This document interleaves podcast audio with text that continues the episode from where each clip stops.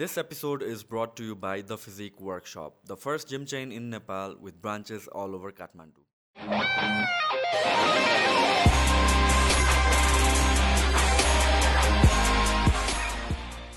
त मेरो समाजमा छ बाहिरतिर चाहिँ के गर्छ भने म्युजिक यसरी गर्नुपर्छ भनेर अगाडि नै म्युजिकको प्रडक्सन टिम नै रेडी गरिएको हुन्छ त्यो अनुसार नै उनीहरूलाई चाहिँ सबै कुरा सम्झाइएको हुन्छ रिसोर्सेसहरू दिइराखेको हुन्छ अनि बजेट पनि त्यो अनुसार दिइरहेको हुन्छ हाम्रोमा अझ कस्तो हुन्छ भने मलाई दुइटा गीत चाहियो तिनवटा गीत चाहियो भनेर भनिरहेको हुन्छ अनि त्यसलाई पनि लास्टमा प्रायोरिटी दिन्छ। कतिवटाले त मेरो त मास्टर नै नगरेको गीत पनि रिलिज गरिदिनु भएको छ।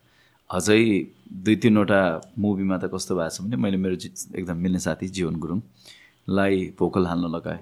होइन? अब त्यो स्टुडियोमै थियो। मैले किनभने पेमेन्ट पाएको थिएन स्टुडियोमै थियो। एन्ड देन उनीहरूले स्टुडियोबाट जुन मैले उनीहरूलाई डमी भर्जन दिएको थिएँ जीवनको चाहिँ मुभीमा राख्दैछ गीत मेरो चाहिँ युट्युबमा राख्दैछ डमी भोकल चाहिँ। के गरेको पनि पत्तो छैन। पछि जीवनले मलाई फोन गरेर ओइ मुभीमा त मेरो भोकल छ अरे नै भनेर भने। खासमा जीवनले नै गाउनु पर्ने त तर युट्युबमा चाहिँ फेरि मेरो भोकल छ। त्यस्तो त्यस्तो अनप्रोफेसनल रिजन्सहरूले गर्दाखेरि मैले आफू काम गर्ने साथीभाइहरूसँग होइन अब अर्कोमा के भयो भने हाम्रो एकजना एकदमै राम्रो सिङ्गर हुनुहुन्छ अम, धर्मेन्द्रसँग। धर्मेन्द्रसँग मैले एउटा गीत गराएको थिएँ एन्ड देन त्यसपछि फाइनल्ली फिल्म रिलिज भएपछि थाहा भयो कि धर्मेन्द्रको भोकल निकाल्दैछ अनि मेरो भोकल मात्रै छ क्या त्यसमा। सो यु मिन तपाईँको सुरको डमी जहिले पनि हुने रहेछ? डमी भोकल रहेछ होइन? अब धर्मेन्द्रलाई नै भनेर कम्पोज गरेको गीत थियो त्यो चाहिँ अलिकति लोकमा थियो। धर्मेन्द्रको त्यो मैले त्यतिखेर हेर्दा राम्रो भन्ने त्यो गीत थियो। उसको त्यो भोकलसँग सुट गरेर लेखेको थिएँ. एन्ड देन त्यसपछि फाइन अब मेरो लोकमा त्यसरी पर पर्फेक्टली सिङ्क हुँदैन नि त. आई डोन्ट नो अब यो यो अब यसमा त मलाई कुनै पनि किन मैले कसरी सम्झाउने धर्मेन्द्र मेरो मिल्ने साथी हो होइन? त्यसपछि अब गाह्रो हुन्छ नि सिचुएसन्सहरू अनि यो सिचुएसन्सहरू भइन्जेलसम्म त काम छैन भन्ने फिल गरेँ। मैले छोडिदिएँ त्यसपछि। मुभीमा काम गर्नै छोडिदिएँ। अलिअलि गर्छु घरिघरि रोहितले यसमा गर्नुपर्ने छ उसमा गर्नुपर्ने छ भनेर भनेको बेलामा चाहिँ रोहितले जिम्मा लिन्छ। म चाहिँ I just try to assist Rohit त्य- त्यतिखेर चाहिँ। त्यति हो। नत्र एकदम कम गर्छ। अब अहिले अहिले एक दुईवटा म गरिरहेको छु। त्यो चाहिँ अब मन रिजाउने साथीभाइहरूले भनेको बेलामा चाहिँ मैले नाइ भन्न चाहिँ सक्दिनँ। त्यो बेलामा चाहिँ मैले कसरी लेख्छु भने मेरो चाहिँ स्क्रिप्टहरू हेर्छु त्यसले के भन्न खोज स्क्रिप्ट भन्दा पनि स्टोरी लाइनहरू हेर्छु एन्ड देन त्यसमा कसरी चाहिँ फिट इन गरिदिउँ भनेर म चाहिँ वर्ड्सहरू चुज गर्छु फर्स्टमा एन्ड देन त्यसपछि बल्ल गीत लेख्छु। नाउ तपाईँले अघि भनेको जुन सिचुएसन्सहरू छ त्यसमा कपिराइट भन्ने चिज हुँदैन र यहाँ डु सिरियसली नलिने हो कि? किनभने ग्लोबली त इट्स अ मेजर थिङ नि कपिराइट भन्ने कुरा। आई थिङ्क हामी पनि हाम्रो पनि विकनेस छ होला। म एज एन आर्टिस्ट म कहिले पनि कहीँ पनि ठाउँमा रजिस्टर्ड नै छैन। If you are talking about Swapna Sharma shadows or स्वर म कुनै ठाउँमा रजिस्टर्ड छैन र मलाई मलाई थाहा पनि छैन कि म कहाँनिर रजिस्टर हुने हो भने मलाई थाहा छैन हुनुपर्ने चाहिँ हो आई थिङ्क हुनुपर्ने हो यदि if you talking about the legal इस्युजहरू if you talking about the legal फाइट्सहरू definitely त्यसको लागि त तिमी त रजिस्टर्ड त हुनु पऱ्यो नि सो त्यसमा मेरो कमजोरी चाहिँ छ होला आई थिङ्क अरू दाइहरूले त गर्नुभएको छ होला अब म त्यस त्यति जोस जाँगर मसँग पनि नभएको पनि होला कि म अब लेट्स लेट्स गो लेगल्ली भन्ने खालको उन पनि नभएको होला नत्र मैले गर्न पनि सक्थेँ होला जित्थेँ पनि होला तर त्यतातिर ध्यान पनि गएन। ए छोड्दै यार गरी खाओस् भन्ने चाहिँ मेन्टालिटीमा अब I don't think this is a good mentality तर म चाहिँ त्यतातिर पुगेँ खासमा। I think part of it is because हामीहरूकोमा अब म्युजिक सेक्टर भनेर भनेपछि it's kind of still informal अब नाउ इट्स ग्रोइङ अलिकति मेन स्ट्रिममा तर म अब आर्टिस्ट नै बन्छु भनेर म अब रेजिस्टर गर्छु अनि आल स्टार्ट अनि दिस दिस दिस भनेर फाउन्डेसनबाट कसैले गर्दैन। We just I I think धेरैजनाले चाहिँ हबीबाट सुरु गर्नुहुन्छ इट गोज वेल अनि त्यसपछि त्यहाँ नै गएको गई भइन्छ। सो त्यो लिगल फाउन्डेसनको या भन्छ रेजिस्ट्रेसनको कुरा पनि throw out of the window हुने होला। बट आई ग्लोबली हेर्दाखेरि त it's such a huge thing कहिले कहिले गाएको गीतहरूमा अहिले लसुट गरेर हुन्छ नि त major आर्टिस्टलाई we hear news about it यो यो कुरा चाहिँ मैले कहिले पनि रियलाइज गरेँ भने अब हामी भनेको मैले नेपालमा देखेको भनेको चाहिँ म्युजिक चाहिँ चोकबाट सुरु हुन्छ। हामी सबैले साथीभाइसँग नै म्युजिक सिकेको हुन्छ अनि अलि जसले चाहिँ गर्दा खोज्नुहुन्छ उहाँहरू चाहिँ इन्स्टिच्युटहरूमा जानुहुन्छ। फर्मली एडुकेसन भनेको एकदमै कम छ। अहिले पनि म्युजिक पढ्नु पऱ्यो भने नेपालमा यत्रो म्युजिकोलोजी छ। ब्याचलरमा मास्टर्समा होइन त्यो बाहेक पर्फर्मिङ आर्ट्समा पढ्न सक्ने भनेको हामीले एक दुईवटा स्कुलहरू छ सङ्गीत पाठशाला छ काठमाडौँ ज्याज कन्जर्भेटिभ एकदमै राम्रो गरिरहेको स्कुलहरू छ र अरू इन्स्टिच्युट्सहरू पनि हुनुहुन्छ। हामी कस्तो हुन्छ भने सिक्छौँ सिक्छौँ सिक्छौँ अनि त्यसपछि इमिडिएटली एउटा प्लेटफर्म पाउँछौँ अनि त्यसमा रमाउन खोज्छौँ अनि हामीले आफूलाई चाहिँ ग्रुम गर्न बिर्सिन्छौँ जस्तो लाग्छ। त्यही नै भएको जस्तो लाग्छ हाम्रो केसमा। मैले जब यो निम्स दाईको लागि प्रोजेक्टमा एन्ड क्रेडिटको लागि नै गीत गर्न पाएको थिएँ त्यतिखेर चाहिँ अम, एमी अवार्ड भन्ने छ नि हाम्रो एमिज अवार्ड भन्ने छ। त्यहाँबाट चाहिँ मलाई फोन आएको थियो कि तपाईँहरूको गीत यसरी सेलेक्सनमा परेको छ भनेर। अनि त्यहाँबाट चाहिँ उनीहरूले धेरै क्राइटेरियाहरू पठाएको थियो। त्यसमा चाहिँ वर्कसिट पनि थियो। होइन अब आफूलाई वर्कसिट लेख्न आउँदैन। म्युजिक बनाउन पाउँछ। होइन म्युजिक लेख्नु एकदमै गाह्रो हुन्छ। एन्ड मैले त्यतिखेर चाहिँ मैले अहिले चाहिँ I am working with universities and colleges all around the world जसले चाहिँ म्युजिकहरूको पनि एडुकेसन दिइरहेको छ ब्याचलरमा स्टुडेन्टहरू पठाइरहेको हुन्छ। सो त्यो मेरो एडुकेसन काउन्सिलिङ फर्मको एउटा काम पनि हो। अनि त्यो गर्दाखेरि चाहिँ जो जो स्टुडेन्टहरू मैले पठाएको छु र उता पढेर भ्याइसकेको छ मैले भाइ मलाई हेल्प गर्नु पऱ्यो मेरो यो म्युजिकको चाहिँ एक्चुली वर्कसिट निकालिदिनु पऱ्यो एउटा बनाइदिनु पऱ्यो भनेर बनाएको थिएँ। एन्ड देन उनीहरूले चाहिँ बनाएर हेल्प गरेको थियो। सो अब हामीले यहाँनिर वाद्य वादनमा भएको साथीहरूलाई पनि ल फर इक्जाम्पल लेट्स चाहिँ कि उसले गिटार बजाउँदैछ भने पनि उसलाई यो यो ठाउँमा यसरी बजाउनु भनेर हामीले होइन भन्छौँ। तर खासमा दिनु पर्ने भने त पेपर हो अब न त मैले पेपर दिन सक्छु न त उहाँले पेपर लिएर बजाउन सक्छ। त्यो खालको म्युजिकको उचाइ छ। तर अहिले त धेरै इम्प्रुभ भइरहेको छ। आई हेभ फ्रेन्ड्स जसले चाहिँ मलाई अब यो अर्केस्ट्राहरू कम्पोज गर्नको लागि हेल्प गर्नुहुन्छ होइन? नेपालमै मलाई त्यो त्यो सम्बन्धी नलेज नै छैन। अब म्युजिक लेख्नको लागि हेल्प गर्ने साथीहरू चाहिँ नेपालमा पनि हुनुहुन्छ। त्यो सुन्दाखेरि चाहिँ रमाइलो चाहिँ लाग्छ। सो अहिले लाइक हाउ डज यो एउटा भनौँ न एउटा आइडिया ओरिजिनेट हुन्छ एकजनाको दिमागमा होइन? कम्पोजरको दिमागमा आई आई थिङ्क अनि उसले ट्रान्सफर गर्नु पऱ्यो भने नोटेसन्सहरू नै नलेखिँदाखेरि लाइक फर इक्जाम्पल लाइक यो कसरी चाहिँ गर्नुहुन्छ? यो जस्ट लाइक यसरी हामी त यस्तो एकदम त्यो इन्फर्मल नै हुन्छ कि स्टुडियोमा बसेँ एन्ड देन त्यसपछि एउटा बाँसुरी बजाउनेलाई बोलाएको छौँ भने। बाँसुरी बजाउँदाखेरि वी ट्राई मिनी मेलोडी त्यहाँनिर। हामीले हाल्दाखेरि चाहिँ यस्तो यस्तो बजाउनु त भनेर भन्छ। एन्ड एकछिनमा फेरि अर्को। त्यो मेलोडी कम्पोजिसन दिमागमै हुन्छ। दिमागबाट चाहिँ आवाजबाट नै आवाजबाट नै भनिरहेको हुन्छ। त्यो खासै लेखेर मेलोडी बुझाउने खालको चाहिँ छैन।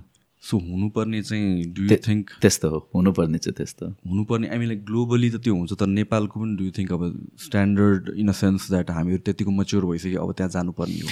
भइरहेछ। अब खासमा एडुकेसन भन्ने कुरा जेमा पनि राम्रो छ क्या। अब तपाईँले याद गर्नुहोस् कि घर बनाउनु त ठेकदारले पनि बनाउन सक्छ। इन्जिनियर नै किन खोज्छौँ भन्ने कुरा। हामी भनेको अहिले ठेकदार भइरहेको होला हामी इन्जिनियर हुनुपर्छ म्युजिकमा पनि भन्ने कुरा मात्र हो। सो त्यो लर्निङको पार्ट चाहिँ आई थिङ्क अब हामी यहाँनिर प्राइमेरी एडुकेसनमा कुरा गऱ्यो भने म्युजिक बल्ल बल्ल कुनै स्कुलहरूमा राखेको छ तर सुरु गराएको छैन। एडुकेसन होइन त्यो एउटा इसिएमा चाहिँ राखिरहेको हुन्छ। बाहिरतिर चाहिँ प्राइमेरी एडुकेसन भनेर उनीहरूले चाहिँ इसिए भन्दा पनि पाठ्यक्रममै if you want study music त्यसमा राखिदिइरहेको हुन्छ। त्यो प्राइमेरी एडुकेसन अथवा सेकेन्डरी एडुकेसनमा चाहिँ हुनुपर्छ होला। यदि चाहिँ हामीलाई त्यस्तै म्युजिसियनहरू चाहियो भने चाहिँ अलि वर्ल्ड क्लास लेभलमा काम गर्न सक्ने नत्र नेपालमा ट्यालेन्ट नभएको त होइन। खतरा खतरा मान्छेहरू हुनुहुन्छ। अब जेमा पनि दामी हुनुहुन्छ क्या तर हामी कस्तो छ? यहाँनिर एउटा भकुन्डो दियो भने नेपालीहरूलाई के हुन्छ भने बङ्गै हानिदिने खालको मात्र हो क्या हाम्रो दिमाग। तर त्यो बल्ल यहाँबाट हान्यो भने चाहिँ यस्तो घुमेर जान्छ भने चाहिँ कहिले पनि सिक्दैनौँ। म्युजिकमा पनि सेम चिज हो। नाउ जुन यो इन्स्टिट्युटहरू छ नि त म्युजिक इन्स्टिट्युट कतिवटा छ डु यु थिङ्क उनीहरूलाई पनि कोलाबरेट गरेर स्कुलहरूको थ्रुबाट गर्न सकिन्छ कि यो दिस इज हबिस्ट प्लेस जस्तो पनि भयो नि त अहिले त यो। यो कुरा धेरै अगाडिदेखि नै फाइटको कुरा अहिले त अझै एसएलसीमा चाहिँ म्युजिक दिन मिल्छ है अहिले तर यसको लागि धेरै लड्नु भएको छ हाम्रो दाईहरूले। लक्ष्मण रिजाल दाई मलाई इमान विक्रम दाईसँग अस्ति नै कुरा आउँदाखेरि भएको थियो रिजो दाईहरू। उहाँहरूले चाहिँ यो बारेमा चाहिँ धेरै फाइट गरेर चाहिँ पाठ्यक्रममा ल्याउन खोज्नु भएको। अझ पनि राम्रोसँग विस्तार चाहिँ भएको छैन। र यसको डेभलपमेन्टको बारेमा मलाई धेरै नलेज चाहिँ छैन तर अहिले एसएलसीमा चाहिँ तपाईँले म्युजिक चाहिँ सोसल स्टडिज जस्तै चाहिँ दिनु चाहिँ मिल्छ। किन भन्छ पहिला इन्स्टिट्युट्सहरू त पहिलादेखि नै कतिवटा छ नि त लाइक आई रिमेम्बर म सानो हुँदाखेरि पनि केलाइडोस्कोप थियो। अनि त्यसपछि डोरेमी। डोरेमी दुइटा so been to the schools एकदम अन एन्ड अफ है फेरि त्यतिखेर चाहिँ। बट त्यो फर्मली एउटा some sort of resistance feel गरि नै रहेछ कि if you're completely starting out त्यहीँबाट स्टार्ट गर्दा त ठिक छ। बट समन लाइक मी मैले चाहिँ मेरो same thing like high school bands अनि त्यसपछि लाइक आफै बजाउनु सिक्यो यताउति ट्याबहरू हेरेर अनि when I enrolled in these इन्स्टिट्युटहरू त्यो पेसेन्स नै नहुने रहेछ कि स्टार्टिङ फ्रम द बेसिक्स एबिसीबाट अनि त्यसपछि you never go that way but then long टर्ममा like for example तपाईँ फर्मली एजुकेटेड हुनुहुन्छ म्युजिकमा म फर्मली एडुकेटेड छैन। राइट सो कम्पोजिसनमा कतिको डिफरेन्स डु धेरै फरक भएको छ। When when it comes to composition मैले म दुई तिन दिन अगाडि मात्रै रोहितसँग कुरा गरिरहेको थिएँ। हामी पुरानो पुरानो हिन्दी गीतहरूको हेरिरहेको थियौँ क्या कर्ड प्रोग्रेसन्सहरू हेरिरहेको थियौँ। एकैचोटि किन मेजरबाट माइनस खेल्न जाँदाखेरि त्यो पनि एकदमै अर्कैमा जाँदाखेरि होइन? हेर्दै यो यहाँबाट यहाँ जाँदाखेरि कस्तो दामी मेलोडी खेलाएको छ भनेर कुरा गरिरहेको थियौँ। हामी यदि त्यो म्युजिकको थ्योरीको नलेज छैन। हामीलाई यहाँबाट यहाँ पुग्छ यहाँबाट यहाँ लानु मिल्छ भनेर थाहा छैन भने हामी सधैँ नै बजाइरहेको गीततिर मात्र जान्छौँ क्या। सो आई थिङ्क घरिघरि मेरो कमजोरी पनि त्यो हो जस्तो चाहिँ फिल हुन्छ मलाई। सो बिकज मैले आफैले बजाइरहेको हुन्छु मेरो आफ्नो दिमागमा मात्र हुन्छ। सो मैले रोहितसँग बसेर गर्दाखेरि अथवा अरू म्युजिसियन्सहरूसँग अथवा मेरो ब्यान्डसँग बसेर बस्दाखेरिको गीतहरू र म एक्लै बस्दाको गीतहरू चाहिँ आकाश पातलको फरक चाहिँ हुन्छ। बिकज त्यसमा मैले जानेको चिजहरू प्लस अरूले जानेको चिजहरू पनि मिसिरहेको हुन्छ। So I try composing songs with various म्युजिसियन्सहरू उनीहरूको नलेजलाई पनि लिएर चाहिँ बनाउन खोजिरहेको हुन्छ। सो एउटा खेसरा मात्र मैले गर्छु। एन्ड देन त्यसपछि चाहिँ मैले I try working with Rohit ल यस्तो यस्तो गर्नु पऱ्यो भनेर भन्छु। यहाँनिर यसरी जानु पऱ्यो भने उसले सजेस्ट गर्छ। त्यसरी चाहिँ गर्ने गरेको छ। सो मलाई अब म्युजिक गाह्रो चाहिँ छ। तर त्यो त्यो थ्योरी नलेज नभइकन अथवा तपाईँलाई त्यो म्युजिकको खेसरा मात्र थाहा भएर अलिअलि मात्र थाहा भएर चाहिँ कम्पोजिसनतिर गर्न चाहिँ केही टाइमसम्म त तपाईँको राम्रो म्युजिक पनि निस्किन्छ होला होइन? त्यसपछि चाहिँ सक्यो। त्यो त्यो बोडल नेक निस्किन्छ आउँछ त्यसपछि त्यहाँबाट अगाडि बढ्न चाहिँ गाह्रो हुन्छ। सो जस्तो कि अब म्युजिकको मलाई एक्ज्याक्टली थ्योरीको बारेमा त नलेज छैन बट देन लाइक एउटा सर्टन रुल्सहरू हुन्छ होला अर प्रोग्रेसनहरू हुन्छ होला भने डिफ्रेन्ट वेमा एउटा सर्टन गाइडलाइन्सहरू हुने होला मेबी होइन? तर स्ट्रक्चर होला भनौँ न एउटा हिसाबले। तर डु यु थिङ्क त्यसले फेरि एकहोरो पनि पारिदिन्छ that you can not think outside of the box र यो रुल्समै डिपेन्डेन्ट पारिदिने भनेर पनि हुन्छ कि? त्यति साह्रो पनि हुँदैन। किनभने म्युजिक भनेको त अति ल्याङ्ग्वेज हो नि त यो त होइन? हामीले के के याद गर्नु पऱ्यो भने ल्याङ्ग्वेज जसरी बङ्गाएर टिङ्गाएर पनि त निस्किँदा त निस्किन्छ होइन? तपाईँ वर्कआउट चाहिँ गर्नु पऱ्यो क्या। तपाईँ अब सधैँ एउटै धारामा बस्छु भनेर भएन। एक्सपेरिमेन्ट गर्न सक्नुपर्छ। प्र्याक्टिस गर्नु पऱ्यो मजाले नै। आई मिन यु अब एउटा कुरा याद गर्नुहोस् तपाईँ दार्जिलिङबाट आउँदाखेरि घरिघरि तपाईँको एक दुई दिनसम्म दार्जिलिङको लबज बस्छ नि त। होइन? भनेपछि त तपाईँले त्यो ल्याङ्ग्वेजमा त्यस्तो हुन्छ भने म्युजिक इज अ ल्याङ्ग्वेज के हामी डिफ्रेन्ट काइन्ड अफ जनरजहरू सुन्नु पऱ्यो। डिफ्रेन्ट अहिले अहिले याद गर्दा न तपाईँले अहिलेको गीतहरू सुन्दाखेरि एफ्रिकन म्युजिकबाट यस्तो इन्फ्लुएन्स भएको बिट्सहरू आइरहेको छ नि होइन? तपाईँले अहिले अहिले वेस्टर्न म्युजिकहरू सुन्दाखेरि एकदम एफ्रो ऊबाट चाहिँ इन्फ्लुएन्स भएको छ। र त्यो त्यो इन्फ्लुएन्स हुन चाहिँ सक्नुपर्छ। हामी यदि we if we want to become a musician we want we need to become a listener first हामी त्यो भन्छ नि लेख्ने मान्छेले जति धेरै लेख्न खोज्छ उसले त्यति धेरै पढ्नुपर्छ। किन? त्यो त उसले जति पढ्छ स्टोर गर्छ एन्ड देन त्यसलाई चाहिँ फेरि प्रोसेस गर्ने त हुने म्युजिक सेम चिज हो। तपाईँले जस्तो खालको मेलोडीहरू सुन्दै हुनुहुन्छ जस्तो खालको जनरहरू सुन्दै हुनुहुन्छ त्यहाँबाट इन्फ्लुएन्स पाइन्छ। डजन्ट म्याटर तपाईँले त्यो जन्र तपाईँको टाइप नै नहुन सक्छ तर केही न केही त्यहाँबाट त्यो एलिमेन्ट्स लिन सक्नुहुन्छ। किन त्यो म्युजिकले तपाईँलाई कतै न कतै हानिरहेको हुन्छ। त्यो चिज तपाईँले स्टोर गर्ने एन्ड देन प्रोसेस गर्ने काम हो। So I don't think you know तपाईँलाई त्यो त्यो नियम कानुन भन्ने कुरा त जेमा पनि चाहिन्छ र एउटा एडुकेसन म्युजिक एडुकेसनले चाहिँ त्यो चाहिँ दिन्छ क्या। सो अब म एउटा सानो इक्जाम्पल मात्रै दिन्छु। कोभिडको बेलामा अलिअलि भए पनि मैले पढ्न खोजिरहेको थिएँ। मैले आफूले नै म्युजिक अन्डरस्ट्यान्ड गर्न खोजिरहेको थिएँ। अनि त्यो बेलामा मैले के गरेँ भने भोकल क्लासेसहरू लिइरहेको थिएँ। अब अनलाइन क्लासेसहरू नेसनल स्टुडियोज उता अमेरिकाको मान्छेहरूले तपाईँलाई स्काइपमा चाहिँ क्लासेसहरू लिइरहेको थिएँ मसँग। त्यो चिजले गर्दाखेरि मलाई कहाँनिर सजिलो भयो भने अस्ति भर्खरै मात्र द सारिज नेपालको टुर थियो। आठ दिनमा सातवटा ठाउँमा टुर थियो। सेभेन डेजमा अब किन चिचाउनु पर्ने हिँड्नु पर्ने ट्राभल गर्नुपर्ने एन्ड देन एकछिनमा बुटोल छ भोलिपल्ट धरानमा छ कन्सर्ट त्यसरी भइरहेको बेलामा चाहिँ मलाई त्यो जुन चाहिँ मैले भोकल क्लास लिइरहेको थिएँ त्यो क्लासेसहरूले चाहिँ एकदम हेल्प गर्यो। भनेको learning is always important doesn't matter म कति उमेरको भएँ तर त्यो चिजले गर्दाखेरि चाहिँ मलाई मैले कसरी how am I going to protect stew स्टेजमा बस्दाखेरि मैले कसरी चाहिँ आफ्नो भोकललाई चाहिँ प्रायोरिटी दिनु पऱ्यो भोलि गाउनु पर्ने छ भनेर होइन? एन्ड देन त्यसपछि मेरो सकिसकेपछि पनि मैले के के गर्ने चिजहरू चाहिँ मलाई त्यो दुई तिनवटा स्काइप सेसनले मात्र पनि हेल्प गराएको थियो कि। सो यही चिज नै हो। तपाईँ जति आफू डेभलप हुन खोज्नुहुन्छ जति अगाडि बढ्नुहुन्छ त्यो त तपाईँले गर्ने साधनाले नै गर्दाखेरि हो। तपाईँले गर्ने गर्ने सिकबाट नै हो जस्तो लाग्छ क्या। सो सिक्नु चाहिँ पऱ्यो learning is very important at least बेसिक्सबाट त थाहा हुनु पऱ्यो फाउन्डेसन्स त थाहा हुनु पऱ्यो बट देन भकुन्डो कहाँनिर हान्ने भन्ने चाहिँ थाहा पाउनु पऱ्यो कि। पोसिबिलिटिजहरू थाहा हुनु पऱ्यो होइन? नभए त yeah I kind of understand किनभने त्यसपछि त you are just limited by त्यो झुक्केर आउने मेलोडी मात्र maybe just just take an example of yourself हामीले बार उचाल्दाखेरि बडीको पोजिसन हेर्नु पऱ्यो नि त उचाल्ने मात्र होइन। सधैँ त्यही कुरा गर्छ सेम गिटार कसरी समाज चाहिँ is also very important while playing guitar तपाईँ झ्याम झ्याम त जसले पनि बजाइदिन्छ तर त्यसमा मास्टर अलिकति मास्टर अलिकति अझ बढी सिक्ने भने त सबै कुराहरूले एकदमै इम्पोर्टेन्ट छ सो वाइल्ड क्रिएटिङ एउटा मेलोडी होइन अब तपाईँको example versus like the people you work with र जोसँग कन्भर्सेसन गर्नुभएको छ कहाँबाट सुरु हुन्छ? किनभने मलाई चाहिँ के लाग्थ्यो भनेपछि not being some one who is into creating music होइन मलाई के लाग्थ्यो भनेपछि यु जस्ट वक अराउन्ड आफ्नो डेली चोर्स गरेर अब एउटा मेलोडी हिट हुन्छ त्यसपछि ओके ल लेट्स डु दिस भर्सेस बसेर ल मलाई अब म्युजिक बनाउँछ अनि I'll start I'll force myself to create a music kind of अनि त्यसको लागि छुट्टै मेबी रुल्स एन्ड स्ट्रक्चर्सहरू हुन्छ। What works better different people मेरो लागि चाहिँ मैले कसरी काम मेरो मेरो म्युजिकको त्यो होल फाउन्डेसन्स त्यो एउटा एउटा गीतको फाउन्डेसन बनाउनुको लागि चाहिँ के गर्छ भने मैले सुन्छु।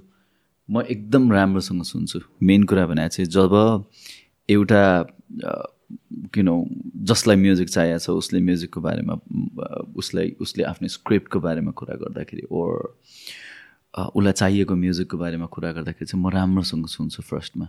उसको कुराहरू सुन्छु उसले सुन्दाखेरि पनि कति कुराहरू अब्जर्भ गर्न सकिन्छ क्या? उसको शब्दहरूबाट नै मैले यस्तो यस्तो गर्न खोजिरहेको छु यो यो गर्न खोजिरहेको छु उसले कसरी चाहिँ मेहनत गर्यो कसरी चाहिँ पुग्यो त्यो ठाउँसम्म चाहिँ कुन चाहिँ लोकालिटीमा गएर गइरहेछ भन्ने कुराहरू सबै कुराहरू चाहिँ राम्रोसँग सुन्छु सुन्छु। एन्ड देन त्यसपछि मैले के गर्छु भने त्यो अनुसारको म्युजिकहरू सुन्न खोज्छु जस्तै। अब आफूले नसुनिकन हुँदैन? कति कुराहरू तपाईँलाई यु नो यो पर्फेक्ट भन्ने कुरा कहिल्यै पनि हुँदैन।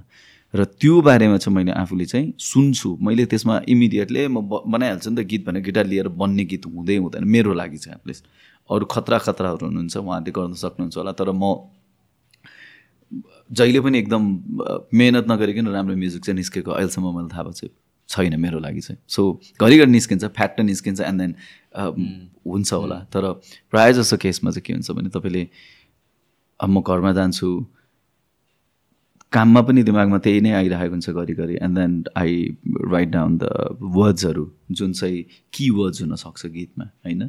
For example if I'm writing about a life and डेथको बारेमा मैले त्यसको बारेमा चाहिँ चार पाँच दिनमा चाहिँ किन बिसवटा पच्चिसवटा वर्ड्सहरू चाहिँ लेख्छु लिरिकल्ली त्यसरी काम गरेर आउँछु. एन्ड देन मैले त्यो बारेमा सुनिरहेको हुन्छु म्युजिकहरू सुनिरहेको हुन्छु मेबी कुनै थारू कल्चरको बारेमा तराईको बारेमा गीतहरू लेख्नु परेको छ भने मैले त्यो त्यो कम्युनिटी अनु अनुसार उनीहरूको सुन्छु मैले। सुदूरपश्चिमको बारेमा लेख्नु परेको छ अथवा त्यो लोकालिटीमा गएर उनीहरूले सुट गरेको छ त्यो अनुसार चाहिँ क्यारेक्टर्सहरू बेस गरेको छ भने मैले देउडाहरू सुनिरहेको छु मैले सबै खालको म्युजिकहरू चाहिँ सुन्छु। अनि तिन चार दिन मात्र सुन्ने मात्र गरिसकेपछि चाहिँ दिमागमा चाहिँ कुनै न कुनै तरिकाले चाहिँ त्यो त्यो एउटा एउटा छाप बसाउँछ कि यो खालको हो भनेर मलाई थाहा हुन्छ। एन्ड देन मैले त्यो त्यो तरिकाले चाहिँ आफूले पनि कसरी काम गर्न सकिन्छ मेलोडी चाहिँ डजन्ट म्याटर म किन आची गर्न बस्दाखेरि होस् म काम गरिरहेको बेलामा होस् म गाडी चलाउँदाखेरि होस् भिडमै बस्दाखेरि होस् तर त्यो चाहिँ सबकन्सियसली खेलिरहेको हुन्छ। सो गिटार नै चाहिन्छ भन्ने चाहिँ हुँदैन। मलाई कुनै न कुनै आयो भने I immediately record that in my cellphone म चाहिँ. म चाहिँ त्यो चाहिँ त्यो चाहिँ गरिहाल्छु। भिडमै छु भने पनि म फर इक्जाम्पल मेरो एकदम भिडमा काम भइरहेको छ भने पनि म यत्तिकै त्यो रेकर्ड गरिहाल्छु होइन? ओर म घरमा आउँछु एन्ड देन त्यसमा चाहिँ मैले यस्तो यस्तो गर्न सक्छु।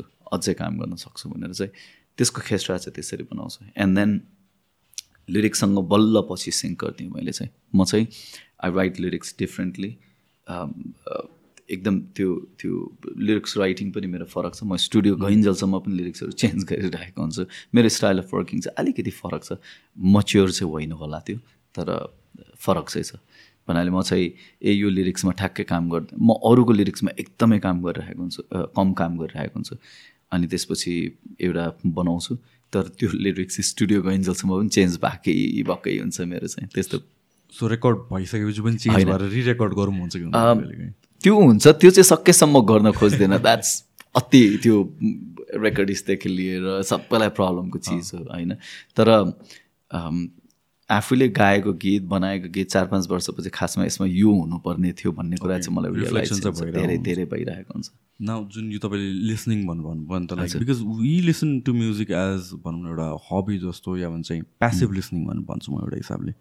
कन्सियसली हामीले त्यो म्युजिकमा के भइरहेछ लिरिक्समा के भइरहेछ त्यसरी सुन्दैनौँ नि त मोस्ट लिसनर्सको कन्टेक्सबाट music is something we do on our leisure free time as an entertainment तर तपाईँहरूले गर्नु भनेको त्यो त्यो त एक्टिभ स्टडिङ नै हो। सो मन पनि मन नलाए पनि you have to listen so किनभने जुन तपाईँले भन्नुभयो सबै जनरको सुन्नुपर्छ एउटा आर्टिस्टले जस्तो कि मेरो जनर इफ इट्सले चाहिँ हिपहप हो भनेर भनेपछि या आर्न बी हो भनेर भनेपछि त्यसको अराउन्डको भिसिनिटीको म्युजिकहरू मलाई सुन्न रमाइलो लाग्छ। तर इफ म गएर अर्को सम अदर मैले ब्लुज सुन्नु पऱ्यो पऱ्यो या ज्याज सुन्नु पऱ्यो भने चाहिँ maybe I wouldn't enjoy it तर what you mean is like for an artist त्यो मन लगाए पनि मन नलाए पनि पढाइ जस्तै पढ। If if you want to work in that area त्यो चाहिँ गर्न सक्नुपर्छ। त्यो चाहिँ गर्नु नै पर्ने हुन्छ। Research is very important so अनि इन्फ्लुएन्स कतिको भएर जान्छ? किनभने म्युजिक अगेन समथिङ लाइक अब लेट्स वर्कआउट गर्ने बेलामा I listen to a different kind of music अनि त्यसले मलाई त्यो जोनमा पार्छ कि। इफ आम म्यानेजिङ अर्को म्युजिकले चाहिँ तपाईँलाई यस्तो इजिली इन्फ्लुएन्स गर्छ। म म ऱ्याप सुनेर हुन्छ क्या घरिघरि आउँछ होइन? ऱ्याप सुन्दा सुन्दा ऱ्याप हानिदिउँ क्या जस्तो लाग्छ। म I I listen to every kind of जनर्सहरू म मेरो मैले भने मेरो प्लेलिस्ट भन्ने कुरा नै हुँदैन कि? म जे आयो सुनिरहेको हुन्छु म एफएम पनि सुनिरहेको नै हुन्छु। मलाई I I I don't think मलाई कसैको गीत थाहा छैन भन्ने कुरा चाहिँ हुँदैन। सो ऱ्यापर्सहरू पनि सबैको थाहा हुन्छ। मैले भने नि मेरो उमा प्लेलिस्टमा यो यही ऱ्यापर छ भनेर छैन तर जिबब आएको बेलामा जिबब पनि सब थाहा हुन्छ। मलाई जिबबको लिरिक्स हेरेर यत्तिकै गाउन चाहिँ आउँछ होइन? अब हिजो भर्खरै मैले हिजो कसको सुनिरहेको थिएँ होइन? एकदम इन्ट्रेस्टिङ ए भिटेनको सुनिरहेको थिएँ होइन? अब म त्यो त्यो भिटेनको सुन्दाखेरि पनि खासमा यहाँ यो चाहिँ नहुनुपर्ने हो है भन्ने चाहिँ एटलिस्ट त्यो फिल चाहिँ गर्छ क्या। अनि आई इन्जोय इट थोरली मलाई त्यसमा हुन्छ नि अब अस्ति मैले लगातार हाम्रो सुजन चापागाईको गीत सुने फर्स्टमा सबै सबै गीत सुने अनि यस्तो रमाइलो लाग्यो कि the way the things are compose उसको डिफ्रेन्ट सङ्ग्सहरू नै जसरी कम्पोज गरिरहेको थियो यस्तो रमाइलो लागिरहेको थियो अनि मैले उसलाई भिडियो खिचेर पनि पठाएको थिएँ कि भाइ दिस इज अर्को लेभलको कम्पोजिसन्सहरू भनेर अनि I was also trying to learn कि प्रकाश सपुतले कसरी कम्पोज गर्नुभएको छ भनेर। अनि मैले उहाँको उहाँको पनि प्लेलिस्ट नै युट्युबबाट सुन्दै चलाइरहेको थिएँ गाडी एन्ड त्यो त्यो गर्दाखेरि कसरी थाहा हुन्छ भने त्यो गीतहरू कसरी चाहिँ आइराखेको छ होइन? कसरी चाहिँ लिरिक्सहरू लेखिरहेको छ कम्पोजिसन्सहरू कसरी गरिराख्नु भएको छ किन एउटा कोरियोग्राफ्ड वेमा आइरहेको छ? नि त उहाँहरूको डिफ्रेन्ट ऊ छ। हामी ड्याङ ड्याङ ड्याङ ड्याङ गर्छौँ। उहाँहरूले सिचुएसन्सहरूलाई हालिराख्नु भएको छ डिफ्रेन्ट इन्स्ट्रुमेन्टलाइजेसन कसरी गरिराख्नु भएको छ भन्ने चिजहरू। अनि रमाइलो लाग्छ क्या। त्यो दामी नै छ क्या। सबैको आफ्नो प्रोसेस हुन्छ। आफ्नो प्रोसेस चाहिँ उहाँहरूले चाहिँ मार्केटमा दिइराख्नु भएको छ। अनि त्यो सबैको नयाँ नयाँ चिजहरूबाट नै हामीले लर्न गर्ने त हो नि। अनि म त म त सुनिरहेको हुन्छु सिकिरहेको हुन्छु। अस्ति दुई तिन दिन अगाडि सिमसिमे पानीको रेन्डिसन भर्जन आएको रहेछ त्यो पनि सुनिरहेको थिएँ। अनि मैले के भने अलिकति किन यो कतिवटा गीतहरू चाहिँ पुरानै अड्किँदाखेरि रमाइलो आउँछ रहेछ। भनेर छोड्दैखेरि राम्रो। त्यस्तो चिजहरू किन अब आफूलाई पनि गर्दा मन लगाइरहेको हुन्छ नि त रेन्डिसन्सहरू गर्दाखेरि कति चिजहरू चाहिँ किन कि त तिमीले त्यस्तै गर्न सक्नु पऱ्यो कि त नचलाके राम्रो हुन्छ भन्ने कुराहरू त्यो लर्न गर्दै नै अरूबाट नै गर्थ्यो। एन्ड यहाँनिर मैले भने नि खतरा खतरा मान्छेहरू हुनुहुन्छ होइन? भ्युजमा खतरा होइन क्या? हामीले हेर्दाखेरि उहाँहरूको यु नो दुई तिन दिन अगाडि गाउँले भाइको सुनिरहेको थियो। जुन तरिकाले उहाँहरूले चाहिँ आफ्नो म्युजिकलाई डिरेक्ट गर्नु भइरहेको छ। म अचम्म पर्छु कि कहाँबाट आयो होला दिमागमा? मेरो दिमागमा किन आएन त नि यस्तो चिजहरू? फिल हुन्छ क्या। अनि त्यो चिजबाट चाहिँ मैले चाहिँ आई ट्राई टु लर्न अनि अर्कोचोटि कुनै ठाउँमा मैले त्यो सिचुएसन भेट्टाएँ भने हाल्न खोज्छु। सो यस्तो कम्प्लेक्सिटिज भनेको कस कस्तो टर्म्समा हुन्छ कम्प्लेक्सिटिज लुक म चाहिँ I am not very competitive I am not competitive तर मैले जहिले पनि मलाई चाहिँ कस्तो हुन्छ भने आई एनबी अरू मान्छेहरूको कामहरू चाहिँ। जस्तै हो यार यो यस्तो दामी आइरहेको छ नि जुन तरिकाले चाहिँ आवाजमा घुमाउने तरिकाले। मैले त गर्न सक्दिनँ भने म त्यो ट्राई चाहिँ गर्न खोजिरहेको हुन्छु। So I don't think this is you know you being competitive तर I think you trying to learn from it you trying to त्यो त्यो आर्टिस्टलाई चाहिँ अलिकति आफूले अब प्रेज गरेको नै भन्न खोजौँ। ऊ अनुसार आफूले गर्न खोज्छु मैले। मेरो आवाज नै घुम्दैन कति ठाउँहरूमा। मलाई थाहा छ आफ्नो लिमिटेसन्स भने त्यसलाई चाहिँ मैले यु नो अब चाहिँ वर्कआउट गर्नुपर्छ त्योतिर भनेर कम्पिटेटिभ भन्दा पनि कम्प्लेक्सिटिज कि? तपाईँले भन्नुभयो नि त कुनै सुन्दाखेरि यो कसरी गऱ्यो कसरी कम्पोज गऱ्यो भनेर भन्नुहुन्छ नि त। सो त्यो भनेको चाहिँ के हो? लाइक वर्ड कम्प्लेक्सिटी भनेको गाउने तरिका हो कि कम्पोजिसनको पार्ट हो कि? होइन। यो चाहिँ सबैमा जस्तै जस्तै मैले भने नि अब एकजना आधुनिक सिङ्गर अथवा क्लासिकल बेसबाट आउनु भएको सिङ्गरले एउटा स्वरमा घुमाउनु भयो त्यसमा। मैले सक्दिनँ त्यो। होइन? भने मैले त्यो पार्ट गाइ नै राखेको हुन्छु उहाँकै गीत केही पार्टहरू गाइरहेको हुन्छु सो द्याट मैले त्यसमा इम्प्रुभ गर्न सकौँ भनेर चाहिँ म चाहिँ त्यसरी लिने गरेको छु। सो हुन्छ नि कम्पोजिसनमा पनि एकैचोटि किन कहाँबाट कहाँ पुगिदिइरहेको हुन्छ अनि कस्तो ब्युटिफुल्ली साउन्ड गरिरहेको हुन्छ। मेबी मैले अर्कोचोटि यस्तो ट्राई गर्नुपर्छ भनेर मैले ट्राई चाहिँ गरिरहेको हुन्छ सोची चाहिँ रहेको हुन्छ। तपाईँको सङ्ग्सहरू तपाईँले क्रिएट गर्नुको पहिला पहिलादेखिको सङ्ग्सहरू त्यसलाई रिमेक रेन्डेसन गर्नु मन लाग्छ कि लाग्नु तपाईँलाई? कहिले सिरियसली कन्सिडर गर्नुभयो होइन हामी कुरा पनि गर्छौँ। यो गीतहरूलाई चाहिँ यसरी गर्नुपर्छ भनेर कुरा पनि गर्छौँ। तर अब गाह्रो चिज हो क्या? त्यो अब नयाँ पनि आइरहेको हुन्छ। हामी चाहिँ त्यही भएर चाहिँ अहिले कसरी गरिरहेको छ भने मेरो ब्यान्डमा पनि घरिघरि कुरा निस्किन्छ। यसलाई चाहिँ यसरी रेकर्ड गर्न पाए हुन्थ्यो। अनि फर इक्जाम्पल एउटा गीत छ हाम्रो भत्केको कोठा भन्ने गीत छ। हामीलाई टु थाउजन्ड फोरमा रेकर्ड गर्दाखेरि नै त्यो सबैभन्दा मन परेको गीत हो। र त्यतिखेर कसैले पनि सुन्ने गीत चाहिँ होइन त्यो। मलाई मलाई एउटा कुरा चाहिँ याद छ कि हामीले जब हाम्रो प्रड्युसरलाई गएर चाहिँ यो गीतको भिडियो बनाउने भन्दाखेरि चाहिँ उहाँहरूले चाहिँ प्रकृति किन प्रकृति अलिकति कमर्सियल खालको लाग्यो उहाँहरूलाई अनि उहाँले चाहिँ प्रकृतिलाई चाहिँ अगाडि बढाउनु भएको थियो। तर हामीलाई चाहिँ जुन तरिकाले त्यसमा गिटार वर्क गरिएको छ ड्रम्सहरू राखिएको छ त्यो गीत चाहिँ कसैले सुनेको छैन र अब त्यसलाई चाहिँ नयाँ तरिकाले चाहिँ सुनाउन पाए हुन्थ्यो भन्ने चाहिँ भइरहेको छ। तर हमेसै पाउँदैन। घरिघरि चाहिँ वाक्क भइन्छ। तर त्यस्तो गीतहरूलाई चाहिँ अरूले नसुनेको गीतहरूलाई चाहिँ किन फेरि त्यसलाई रिप्रोड्युस गरेर रिअरेन्ज गरेर चाहिँ ल्याउन चाहिँ मन लागेको छ। किनभने चाहिँ अब यु अफकोर्स सबैजना त दे मच्योर विथ टाइम होइन? अब यो म्युजिकमा पनि एउटा हिसाबले बनायो योभन्दा बेटर बनाउन सकिन्छ कि? इन टर्म्स अफ नलेज नै बढेर जान्छ। अब आई रिमेम्बर पहिला पहिलाको जस्तो कि if you look at like एटिजको सेभेन्टिजको आर्टिस्टहरू उनीहरूले चाहिँ रिमेक चाहिँ गर्छ but it's the same song maybe recording different वेले गरेर आएको छ ओर हुन्छ क्वालिटी अफ साउन्ड डिफ्रेन्ट आउँछ। नेपालको कन्टेक्समा सुन्दाखेरि चाहिँ अर्ली टु थाउजन्ड्सको मोस्ट ब्यान्ड्सहरूको या अन्डरग्राउन्ड ब्यान्डहरू थियो नि त मलाई म्युजिक अति बवाल लाग्थ्यो कि। तर यस्तो क्वालिटी चाहिँ त नबुझ्ने लाइक यस्तो बवाल आर्टिस्टहरू छ जस्तो लाग्छ मलाई अन्डरग्राउन्ड ब्यान्डहरू तर चाहिँ के मिस भइरहेछ के मिस भइरहेछ कि म्युजिक क्वालिटीमा सो ले तपाईँको बेलामा पनि त्यस्तो कतिपय टेक्निकल ल्याप्सेसहरू भनौँ त्यो बेलाको हाम्रो सर्ट कमिङ्सहरू सो त्यसलाई चाहिँ फेरि रिरेकर्डिङ हामीलाई त्यो चाहिँ गर्दा मन लागेको छ। दुई तिनवटा गीतहरू त्यस्तै त्यस्तै नै भएको छ। हाम्रो कस्तो हुन्थ्यो भने अब टेक्निकली त भन्यो नि हामी चोकबाटै आएको। हामी केटाहरू जम्मा भएर प्र्याक्टिस रुम बनायो एन्ड देन त्यसपछि लेट लेट्स टक यो पहिला सुरु लाइक तपाईँहरूको ब्यान्ड फर्म चाहिँ कसरी भयो? How you start with the Shadows Nepal was formed back in nineteen ninety seven तर I joined it two thousand थ्रीको लास्टमा त्यसमा द स्याडोज नेपालमा अगाडिदेखि नै विकास हुनुहुन्थ्यो ड्रममा अमित हुनुहुन्थ्यो बेस गिटारमा प्रकाश हुनुहुन्थ्यो लिड गिटारमा बाबु प्रशान्त विके हुनुहुन्थ्यो रिदम गिटारमा र भोकलमा चाहिँ बसन्त हुनुहुन्थ्यो। बसन्त भनेको बसन्त इलेभेन थर्टी भनेर चिन्नुहुन्छ। उहाँको अहिले पनि गीतहरू आइरहेको हुन्छ and he is a brilliant composer उहाँ नाइन्टिन नाइन्टी सेभेनबाट उहाँहरूको मैले धेरै कन्सर्ट्सहरू हेर्थेँ कि अ, घरिघरि मुभी जस्तो पनि फिल हुन्छ मलाई। किन तपाईँले मुभीमा देख्नु भएको छ नि फ्यान्सलाई पुल मलाई पुल गरेर लिएर आएको होइन तर I use to watch them every three four मन्थ्समा रोडमा कन्सर्ट्सहरू हुन्थ्यो। चितवनमा रोडमा कन्सर्ट्स हुने एकदम पपुलर थियो। एउटा स्टेज जस्तो बनायो। त्यसमा ड्याङ ड्याङ म्युजिक सिस्टम हाल्यो ब्यान्डले नै आफैले अनि कन्सर्ट गर्ने चलन थियो। पुतेली बजार फुड फेस्टिभल पनि थियो आई स्टिल रिमेम्बर द्याट त्यसमा त सारस नेपालले बचाउँथ्यो।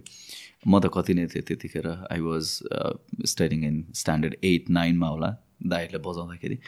कन्सर्टमा जान्थेँ उहाँले बन्जबी बजाउँथ्यो रेजकेन्स मेसिनहरू सुनेकै उहाँहरूबाट नै हो क्या। अनि उहाँहरूले फर्स्ट एल्बम वर्कआउट गर्नुभयो जेठु नाइस नौ पन्ध्र भनेर सुन हाम्रो आवाज भनेर गर्नुभयो। जेठु नाइस नौ पन्ध्र वाज द फर्स्ट सङ सुन हाम्रो आवाज भनेर पनि गर्नुभयो। जेठु नाइस नौ पन्ध्र चाहिँ हाम्रो राजा वीरेन्द्रको लागि गरिएको थियो र ब्यान्ड पनि गरिएको थियो त्यो गीत। अनि अब ब्यान्ड त चितवनमा त द सारस नेपाल बाहेक अरू कोही पनि थिएन म्युजिकमा त्यसरी। दाईहरू हुनुहुन्थ्यो एकदम अग्रज दाईहरू हुनुहुन्थ्यो जसले चाहिँ द सारस नेपाललाई पनि इन्सपायर गराएको छ तर कमर्सियली कोही पनि आएको थिएन कि। The Shadows Nepal was the first band who actually came to Kathmandu अनि रेकर्ड गरेको। त्यही भएर त्यहाँबाट पनि धेरै मोटिभेसनहरू मिलिरहेछ मलाई। म बच्चादेखि नै गीत गाउँथेँ। म रेडियो नेपालको बाल गाएको खासमा। म बच्चादेखि नै गीत गाउँदाखेरि मैले दिप श्रेष्ठ दाईको गीत गाउँथेँ नारायण गोपाल उहाँहरूको गीत गाउँथेँ रामकृष्ण ढकालको गीत गाउँथेँ। म बच्चामा त्यसरी हुर्केको मान्छे एन्ड देन एट नाइन क्लासमा आएर बल्ल बल्ल अलिअलि चाहिँ मलाई त्यतिखेर थाहा भएको भनेको थोरै मात्र इङ्ग्लिस ब्यान्ड ब्यान्ड्सहरू थाहा थियो। साथीहरूसँग गर्दै जाँदाखेरि गिटार बजाउन लाएँ अनि नाइन साइन फोर एडीको गीतहरू गाउन लाएँ बल्ल होइन? रविन दाईको गीतहरू गाउन लायो त्यसरी त्यसरी हुर्किँदै जाँदाखेरि अनि बल्ल पल जाम भन्ने थाहा भयो मेलालिका भन्ने थाहा भयो। बल्ल त्यसरी चाहिँ अलिकति रकतिर पनि भइरहेको थियो तर I was never meant to become a rock singer no I was already planning to have a album म दस कक्षा पास गर्छु इलेभेन टुवेल्भको बिचमा चाहिँ म एउटा एल्बम चाहिँ निकाल्छु। र मेरो एल्बम कस्तो खालको थियो भने इट वाज मैले कम्पोज गरिरहेको गीतहरू कस्तो खालको थियो प्योरली अ लभ ब्यालडहरू जुन चाहिँ सुगम दाईले गरिराख्नु भएको थियो अनिल सिंहले गरिराख्नु भएको थियो उहाँहरूको जस्तो नै थियो।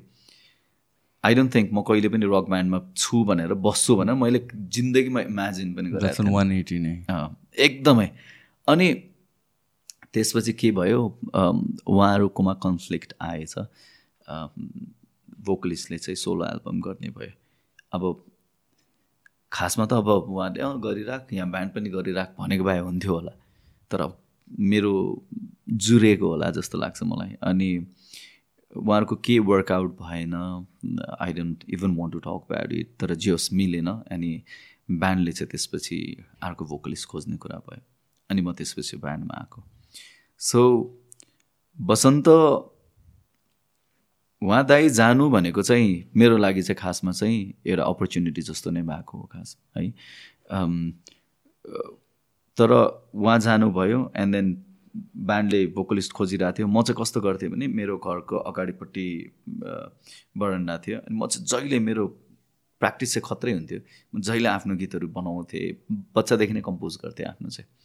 म त्यहाँनिर बरन्डामा बसेर गीत गाउँथेँ अनि मलाई याद छ दुई तिनचोटि विकास दाई ब्यान्डको मेम्बरहरू त हेर्दैखेरि डर लाग्दो हो क्या फेरि पहिलेदेखि नै। अब कपाल लामो ड्रेड लक गरेको इमेजिन टु थाउजन्ड थ्रीमा ड्रेड लक गरेको मान्छे होइन? विकास दाई जस्तो डर लाग्दो मान्छे त्यो बाटोमा हेर्दाखेरि पनि म बोल्न चाहिँ बोल्थेन। आई न्यू दाईहरू यस्तो यस्तो हो भनेर। अनि विकास दाईले चाहिँ जहिले याद गरेको हुँदो रहेछ। अब सबैभन्दा टोल डुल्ने भनेको विकास दाई थियो त्यतिखेर। अनि उसलाई थाहा थियो कि अब यो भाइले गाउँछ बच्चादेखि नै म चाहिँ रेडियो नेपालमा गाउने। सबैलाई थाहा थियो। एल्बम पनि निस्किसकेको थियो मेरो बालगीतको।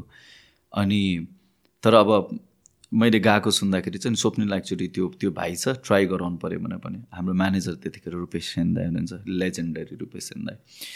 अनि उहाँ चाहिँ आएर मेरो घरमा के भन्नुभयो भने तिमीलाई ब्यान्डमा राख्ने भनेको छ तिमी बस्नु पऱ्यो भनेर भन्नुभयो। होइन तिमी बस्ने नबस्ने भनेर सोध्यो भने तिमी बस्नु पऱ्यो भनेर भने मैले के भने म त मेरो त्यतिखेर सात आठवटा गीत रेडी थियो कि खासमा होइन। अनि एकदमै पप मेलोडी सङहरू थियो। म त आफ्नो एल्बम निकाल्नु खोजेको छु म बस्दिनँ भनेर पनि। अनि अर्को दिन पनि आउनुभयो। होइन होइन एकचोटि त ट्राई गर्नुपर्छ भनेर भन्नुभयो। मैले दुई तिन दिन चाहिँ नाइ नाइ नै नै भनेर आएको थिएँ because I was already very focused and I knew कि मैले एल्बम निकाल्छु भनेर। म्युजिक त गर्छु भन्ने कुरा स्योरली थाहा थियो मलाई। अनि रुपेश दाईको त्यो जिद्दी नभएको भए है रुपेश दाई जुन चाहिँ त्यो एउटा नोटोरियस क्यारेक्टर छ उसको अति नै जिद्दी पनि छ। कुक अब अहिलेसम्म त्यस्तै छ दाई होइन? तर त्यो क्यारेक्टर दाई दाईमा नभएको भए चाहिँ म हुन्थेन पनि होला। उहाँले के भने एकचोटि ट्राई गरौँ जाम जाम जाम जाम भनेर घरमा आएर बस्दिनँ क्या आरामले बस्दिनँ त्यहाँ कुनामा गएर बस्दिनँ त्यस्तो खालको हुनुहुन्थ्यो। अनि I talk with my parents बुवा आमासँग कुरा गरेँ कि यस्तो यस्तो भनेको छ भने बुवाले के भन्नु भने जा एकचोटि गर तँलाई राम्रो लाग्यो भने गर। म्युजिक नै हो लास्टमा गएर गर्न त कस्तो रहेछ के हो भनेर। बुझ्न त भनेर भन्नु। अनि उहाँले मलाई एउटा त्यो म्युजिकमा पनि एउटा फ्रिडम चाहिँ दिनुभएको थियो। मेरो बुवा पनि सिङ्गर नै हो। उहाँलाई जहिले पनि मलाई म्युजिकमा देख्न मन लागेको थियो सो उहाँले आफूले गर्न नसकेको चिज चाहिँ मलाई गराउन खोज्नुहुन्थ्यो। मलाई धेरै प्र्याक्टिस गराउनु भएको छ बुवाले। र बुवाबाट धेरै इन्सपायर्ड छु लिरिकल्ली पनि म्युजिक म्युजिकल्ली पनि म। अनि उहाँले भनेपछि म प्र्याक्टिस रुममा गएँ अनि यतिकै दाईहरूले गिटार बजायो अनि मैले चाहिँ यत्तिकै हमिङहरू मात्र गरेको थिएँ अनि that was the first day when we compose हिँड्ने मान्छे लड्छ ओके सो हिँड्ने मान्छे लड्छ was compose the whole melody was compose the first day I went to the practice room अनि त्यो बेलामा कस्तो भयो भने म्यान राम मजा आयो मलाई। प्र्याक्टिसमा गरेँ बिकज म कहिल्यै पनि ब्यान्डसँग त्यसरी प्र्याक्टिस गरेर बसाएकै छैन ज्याम नै गरेको छैन आफै मात्र गरिरहेको छु। एन्ड त्यहाँनिर गर्दाखेरि चाहिँ I literally felt this could be me in next twenty years अब अहिले बिस वर्ष पनि भयो ब्यान्ड जोइन गरेँ तर I am very attached with the band I joined back in two thousand three and त्यो त्यो एउटा अमेजिङ फिलिङ आउँछ कि त्यो दिनमा यदि हामीले त्यसरी ज्याम नगरेको भए यदि भाइ तिम्रो गीत थियो नि त्यो त्यो बच्चाको गीत हिँड्ने मान्छे लड्छ वाज मेरो बच्चाको गीत। त्यसलाई हिँड्ने मान्छे लड्छको टपिक लिएर गरौँ न गरौँ ल त एकचोटि ल त्यत्तिको गाउँ न भने गाएँ पनि। एन्ड देन एउटा एउटा यस्तो राम्रो मेलोडी निस्क्यो अनि I was literally feeling very happy while I went back home अनि भोलिपल्ट प्र्याक्टिस जान मन लाग्यो मलाई फेरि।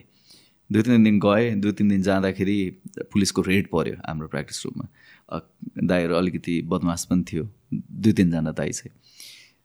त्यतिखेर फेरि मैले फिल गरेँ कि होइन यार यो ब्यान्डमा बस्यो भने त म त जेल पनि पुग्दो रहेछु पनि भन्ने भयो।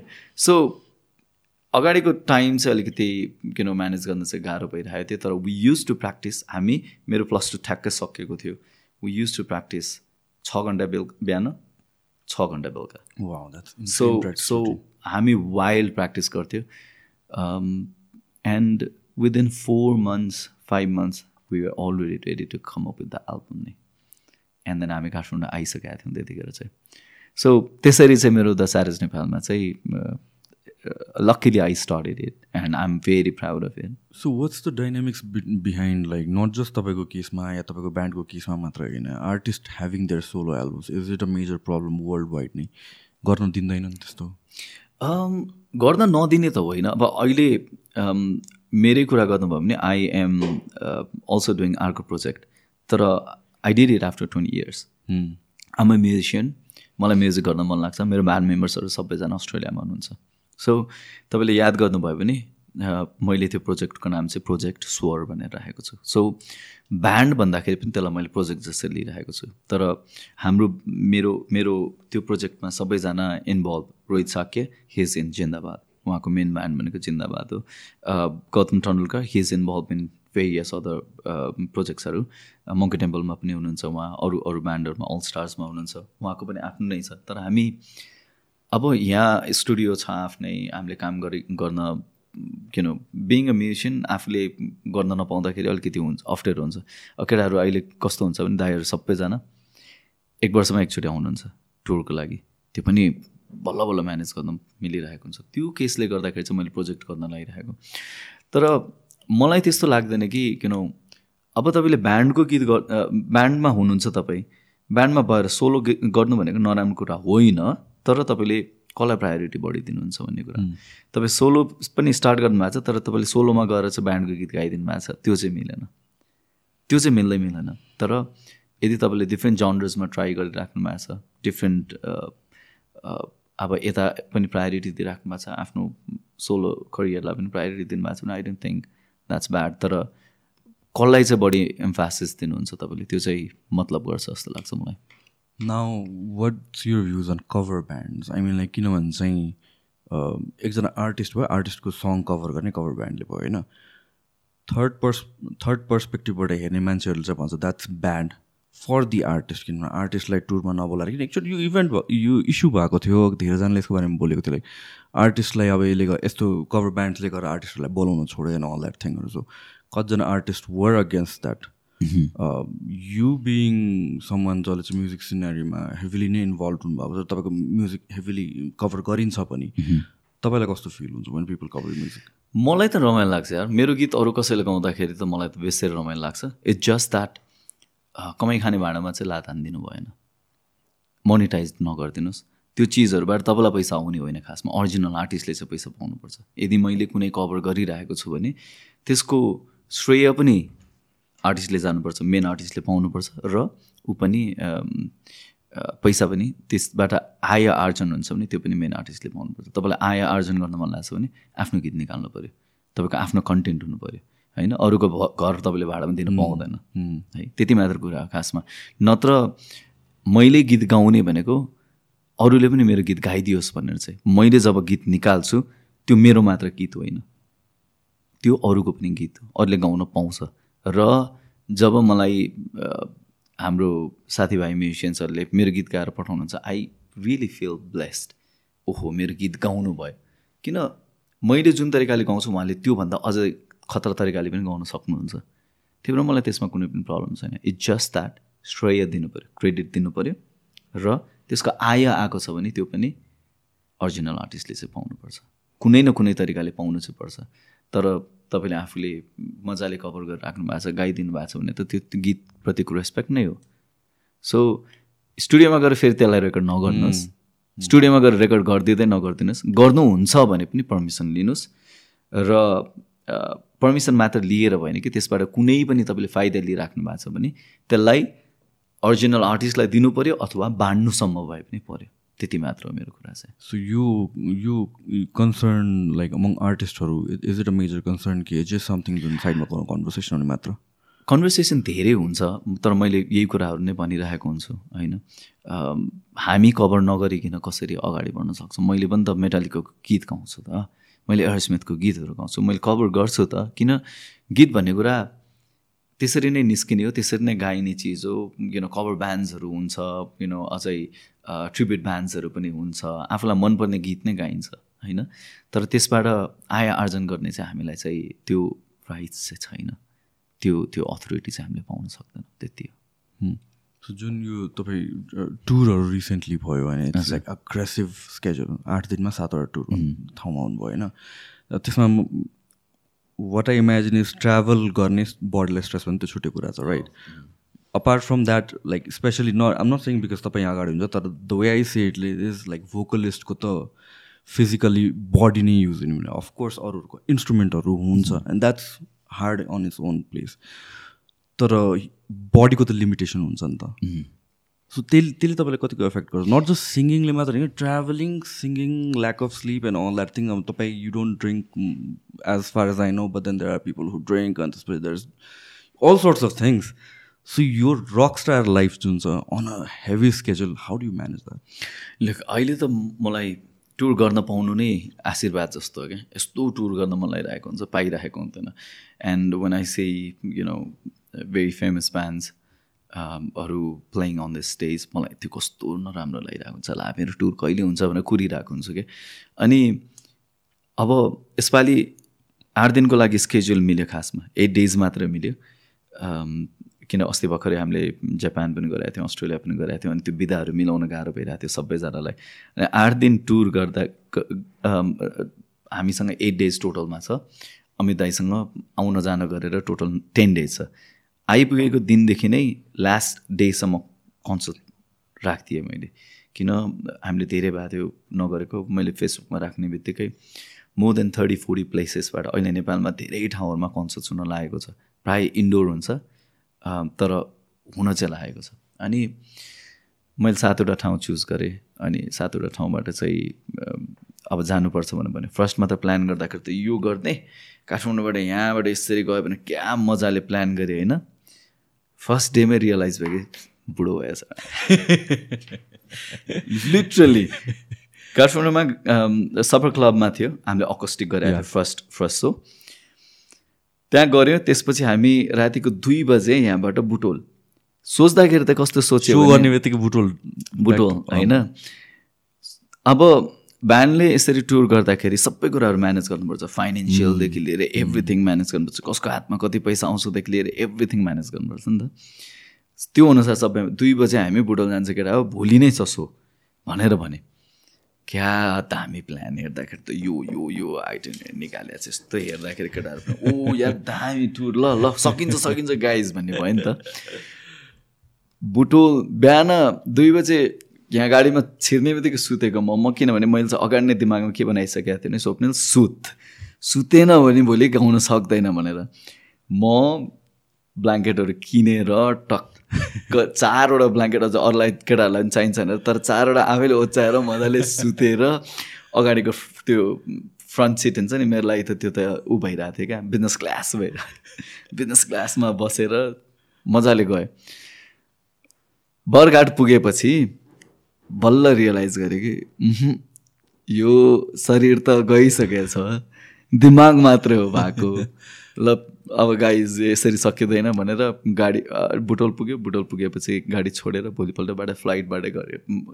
किन मलाई चाहिँ ब्यान्डसँग टाइम स्पेन्ड गर्दाखेरि पनि रमाइलो लाग्छ। एउटा त्यो रोडमा हिँड्दाखेरि अर्कै फिलिङ्स आउँछ भनेर खासमा तर अलिकति अप्ठ्यारो सिचुएसन छ अहिले चाहिँ। अब शरीरले पनि गिभअप गर्न लागेको छ बुढो भएको फिल चाहिँ हुन लाग्यो।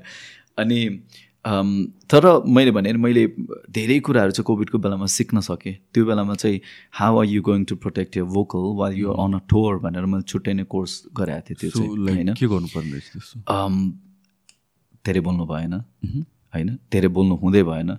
टाइममा सुत्नु पऱ्यो टाइममा मजाले जति सक्छ सुत होइन एक्सर्साइज गर। एक्सर्साइज इज भेरी इम्पोर्टेन्ट हाम्रो चाहिँ कस्तो हुन्छ भने भोकलको एक्सर्साइजेसहरू पनि हुन्छ।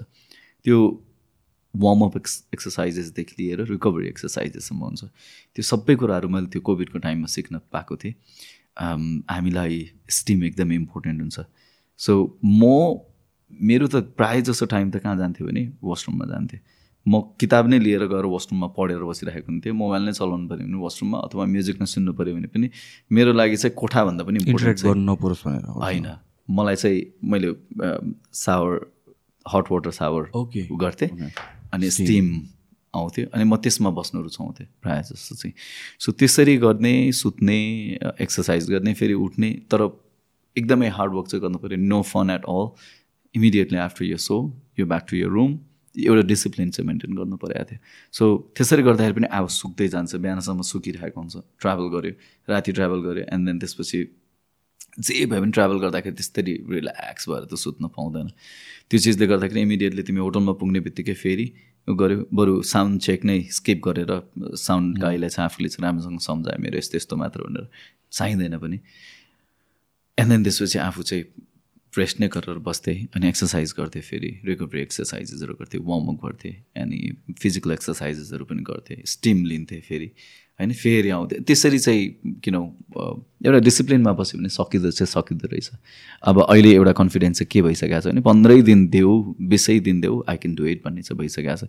सो मैले पहिला सोधेको थिएँ कि हाम्रो अभिषेकलाई अन्डरसाइडको अभिषेकलाई। तिनीहरू back to back Europe tour गरिरहेको थियो कि। घरि कहाँ छ दाइ यहाँ पोल्यान्डमा छु भनेर भन्थ्यो एकछिनपछि कहाँ जानुपर्छ भन्थ्यो। त्यो गर्दाखेरि कसरी अनि फेरि आफै ड्राइभ गरिरहेको थियो तिनीहरूले त। है अनि मैले त्यसलाई सोधेको ड्रिङ्क पनि? अब त्यसले त एफेक्ट गर्छ होला छ होइन? अ, त्यो चाहिँ त्यो चाहिँ भाइलाई सोध्नुपर्छ हाम्रो अभिषेकलाई सोध्नुपर्छ। तर अँ तर आई थिङ्क टुरमा त अलिकति केयरफुल त भयो होला ऊ पनि। बेसरी केयरफुल चाहिँ हुनु परेको थियो होला किनभने त्यसको आवाज पनि गइरहेको थियो मलाई थाहा भएको थियो। कसरी गरेँ भनेर भन्दाखेरि आ यस्तो हुन्थ्यो अनि मैले यस्तो यस्तो गरेँ कस्तो कतिवटा सोमा त आवाज एकदम नहुँदाखेरि पनि गऱ्यो भन्ने कुराहरू पनि भइरहेको थियो। अनि मैले त्यो किन अब उनीहरू त अब थर्टी डेजमा ट्वेन्टी गिग्सहरू गरेको छ क्या युरोपमा। मलाई त्यो थाहा छ अनि मैले त्यो रियलाइज चाहिँ सात दिनमै थाहा पाउनु चाहिँ पाएको थिएँ। सेभेन डेज लगातार कन्सर्ट भइरहेको थियो। एन्ड जे भए पनि आई कुड ह्यान्डल इट अनि अब चाहिँ त्यो सिकेको चिजहरूले चाहिँ रमाइलो भइरहेछ मलाई। एटलिस्ट पनि मैले काम चाहिँ गरिरहेछ त्यो चिजहरूले भन्ने चाहिँ भ्याउ पाइरहेछ। नो बिकज लाइक लाइक अब सम सोर्ट अफ डिसिप्लिन त हुनैपर्छ। अब पहिला पहिला अब I'm not in so much active in to like listening to music आजकल पहिला जस्तो ब्यान्ड्सहरूको बट पहिला पहिला I was heavily in these like sleep नटहरू भयो ल्याम्प अफ गडहरू भयो। अनि यिनीहरू त जस्तो for example Lamb Lamb of God नै उनीहरू त ड्रिङ्क गर्दै सो गरिदिरहेको हुन्छ अनि त्यसले कतिको एफेक्ट गर्छ भन्ने कुरा हो। मैले बायोग्राफीहरू पढाएको छु क्या। ब्यान्डको आफैले लेखेको अथवा रोडिजहरू हुन्छ नि ब्यान्डको रोडीले लेखेकोहरू प पढाएको छु। त्यो पढ्दाखेरि एउटा उमा चाहिँ निर्वाणाको छ कि एउटा उसको रोडीले लेखेको उसँग हिँड्ने एउटा वायर सायर मिलाउने मान्छेले मात्र लेखेको।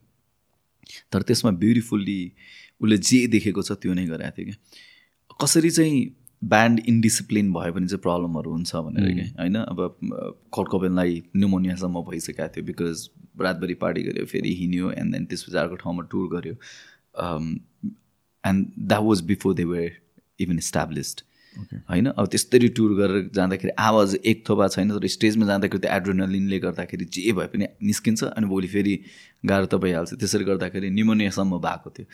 अब त्यसरी गरिरहेको हुन्छ। कतिजना ब्यान्डहरू यहीँनिर हामीले हेर्दाखेरि पनि उनीहरू आफ्नो एउटा स्ट्रिक्ट प्लान्समा हिँडिरहेको हुन्छ डिसिप्लिनमा बसेर काम गरिरहेको हुन्छ। It depends on you and यो मेन्टालिटी कि तिमीले कसरी काम गर्छौ भनेर। तर जसरी भए पनि मान्छेले अब स्टेजमा गएपछि त अलिअलि भए पनि you know thirty percentage vocal नै छ भने पनि काम चलाउ त भइरहेको हुन्छ तर how are you going to work on it भन्ने कुरा हो। जस्तो भेन्यूहरूको पनि कुरा गर्दाखेरि तपाईँले भन्नुभयो आजकल मोस्टली इन्डोर भेन्यू हुन्छ do prefer indoor versus outdoor I prefer outdoor तर yeah. तर यो कल्चरलाई प्रमोट गर्ने हामी नै पनि बेसरी ऊ भइसकेका छौँ। अम, हामीले नेपाली ब्यान्डहरूलाई गिग्सहरू इन्डोरमा इन्डोर गर्नको लागि चाहिँ हामीले पर्पलेसबाट नै धेरै स्टार्ट गरेका थियौँ। सो अहिले यसो हेर्दाखेरि आउटडोर गिग्सहरू हुनै छोड्यो। आउटडोर गिग्समा मान्छेहरू आउन पनि छोडिसक्यो खासमा। त्यस्तो त्यस्तो भइसकेको छ। सो कुनै मेला भयो भने होइन त्यस्तो टाइमहरूमा मात्र हुन्छ। तर I want to do a concert जहाँनिर चाहिँ किन तपाईँले धेरै मान्छे देखोस् क्या। टेन टु ट्वेन्टी थाउजन्ड मान्छे देखोस्। त्यस्तो चाहिँ अहिले हामीले देख्न पाएकै छैन।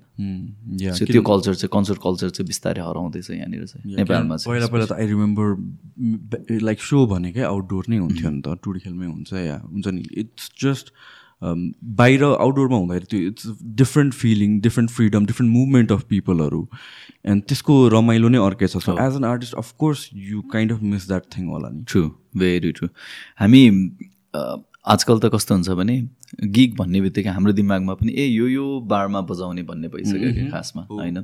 त्यो चाहिँ इट्स अल्सो बिकज अफ तपाईँको अर्गनाइजरले पनि कसरी आँटोस् क्या?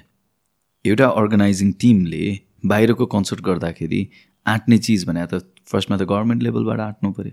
सिडिओले पर्मिसन दिँदैन अथवा लास्टमा आएर क्यान्सल गरिदिइरहेको हुन्छ। त्यो चिजहरूले गर्दाखेरि पनि उनी- उनीहरूले आँटिरहेको हुँदैन। होइन? अब साउन्ड्सदेखि लिएर एभ्रिथिङ भेन्यूमा पाइरहेको हुन्छ बरु त्यति यु नो हजारजना मान्छेलाई चाहिँ एन्टरटेन गर्दाखेरि उनीहरूलाई फाइदा पनि भइरहेको छ भने उनीहरूले त्यतितिर ध्यान दिइरहेको छ जस्तो लाग्छ। तर मलाई चाहिँ पर्सनली चाहिँ ओपन ग्राउन्डमा भेरियस आर्टिस्टहरूसँग किन नहोस्। Crowd there is this video of मेटालिकाको छन् रसियामा गरेको। अब बाहिरको त ब्यान्डको मिलियन मिलियन्स अफ पिपल हेर्दाखेरि पनि it's wave of sea of people I still remember मैले लास्ट गिग यसरी अब जस्तै हामीले यहाँनिर पनि देख्छौँ नि काठमाडौँमा पनि भइरहेको हुन्छ होइन दरमाग स्ट्रिट फेस्टिभल भइरहेको हुन्छ। त्यस्तोमा बजाउँदाखेरि पनि रमाइलो हुन्छ क्या होइन? तर I don't consider that as a proper gig चाहिँ भनेर कन्सर्ट्स नै भनेर चाहिँ होइन? त्यो मेला हो त्यो जे भए पनि होइन? तर हाम मैले मलाई याद भएको भने चाहिँ टुबोगले ओपन कन्सर्ट गराएको थियो है? इफ टुबर्कको कसैले सुन्नु भएको छ भने यस्तो कन्सर्ट्सहरू एकदमै चाहिन्छ। एन्सेलले कन्सर्ट गर्थ्यो पहिला है? अहिले सबै कुराहरू बन्द भइरहेछ क्या। जो जसले पनि कन्सर्टहरू गर्थ्यो। अब टुबर्गले त गर्न पाउँदै पाउँदैन। तपाईँको लेगल्ली पनि उनीहरूले यसरी गर्न नपाउने भइसक्यो। तर कुनै न कुनै टिमहरूले आफ्नो ब्रान्डिङ गर्नको लागि पनि त्यसरी गर्दाखेरि चाहिँ open कन्सर्ट्सहरू are always the best thing to do त्यो त्यो किन महिनौदेखिको चाहिँ झ्याङहरू हुन्छ उनीहरूलाई आफूलाई पनि त आउँछ नि त त्यसबाट पनि मेडिया पाइरहेको हुन्छ उनीहरू कभरेजहरू पाइरहेको हुन्छ सबकन्सियसली दिमागमा बसिरहेको हुन्छ आई थिङ्क ब्रान्डहरूले पनि त्यसरी सोच्न छोडेर होला स्पोन्सर पाउँदैन बाहिर इभेन्टहरू गर्दाखेरि। त्यो चिजले गर्दाखेरि अहिले बाहिर गिग भएको त हामीले देख्दै देख्दैनौँ। बाहिर गर्दा स्पोन्सर नपाउने कारण चाहिँ के अम, अहिले त झन् रक्सीहरूले स्पोन्सर गर्न पाउँदै पाउँदैन हेर्नुहोस् है। अब अस्ति आई थिङ्क एक दुईजना डिजेहरूको कन्सर्ट्सहरू भइरहेको थियो र त्यतिखेर पनि लास्टमा रक्सीले ब्याकआउट गरिरहेको थियो यु नो पचास साठी लाखको स्पोन्सरसिप गयो भन्ने सुनेको थिएँ मैले। अब राम्रै होला रक्सीलाई स्पोन्सर गर्न नदिनु तर आर्टिस्टहरूलाई अलिकति गाह्रो चाहिँ हुन्छ त्यसले गर्दाखेरि चाहिँ। सो जे जे जस्तो सोच्दाखेरि पनि कुनै पनि आर्टिस्टलाई इन्डोरमा भन्दा चाहिँ आउटडोरमा नै रमाइलो चाहिँ हुन्छ होला। त्यो हामीलाई अर्कै फिल चाहिँ आउँछ। अझै इमेजिन त्यो mass amount of people and then you know टाढासम्म मान्छेहरू हेर्न पाइरहेको छ मैले त्यो चाहिँ एकदमै मिस गर्छु। सो लास्ट कन्सर्ट मैले त्यस्तरी मासमा बजाएको भनेको त मलाई याद भएको चाहिँ टु ओपन कन्सर्ट नै हो way they were twenty thousand people in one ground open ground and we were playing in eight of the places in Nepal and सबै ठाउँमा चाहिँ त्यही क्रेज थियो होइन? त्यो खालको चाहिँ कन्सर्टहरू अहिले चाहिँ एकदम चित्त दुख्छ मिस गर्छु। सो यो नहुनुको कारण solely because of sponsorships backout हो and also also because of the government Permissions. Government लेभलको डिसिजन्सहरूमा पनि उनीहरूले कतिखेर आएर क्यान्सल गरिदिन्छ नै थाहा हुँदैन कतिखेर आएर बन्द गरिदिन्छ वाइ नै थाहा does that happen once actually approve भइसकेपछि त किनभने यो लाइक लास्ट टाइम पनि मैले कुरा गरेको थिएँ। रविन दाई नै हुँदाखेरि अनि त्यसपछि रितेश नै हुँदाखेरि अनि त्यस यो पर्मिसन्स दिन नै अप्ठ्यारो मान्छ भनेर भन्छ लाइक किन दिन दिन अप्ठ्यारो मान्ने अब उहाँहरूको आफ्नो रिजन्सहरू होला त्यो होइन? सेक्युरिटी पुऱ्याउन नसकेको कारणले होला। कुन चाहिँ लोकालिटीमा गइरहेको छ त्यहीँको पुलिसहरूलाई नै जनसेवालाई नै खटाउनु पर्दा हुन्छ होइन? अब त्यो चिजले गर्दाखेरि पनि हुनसक्छ।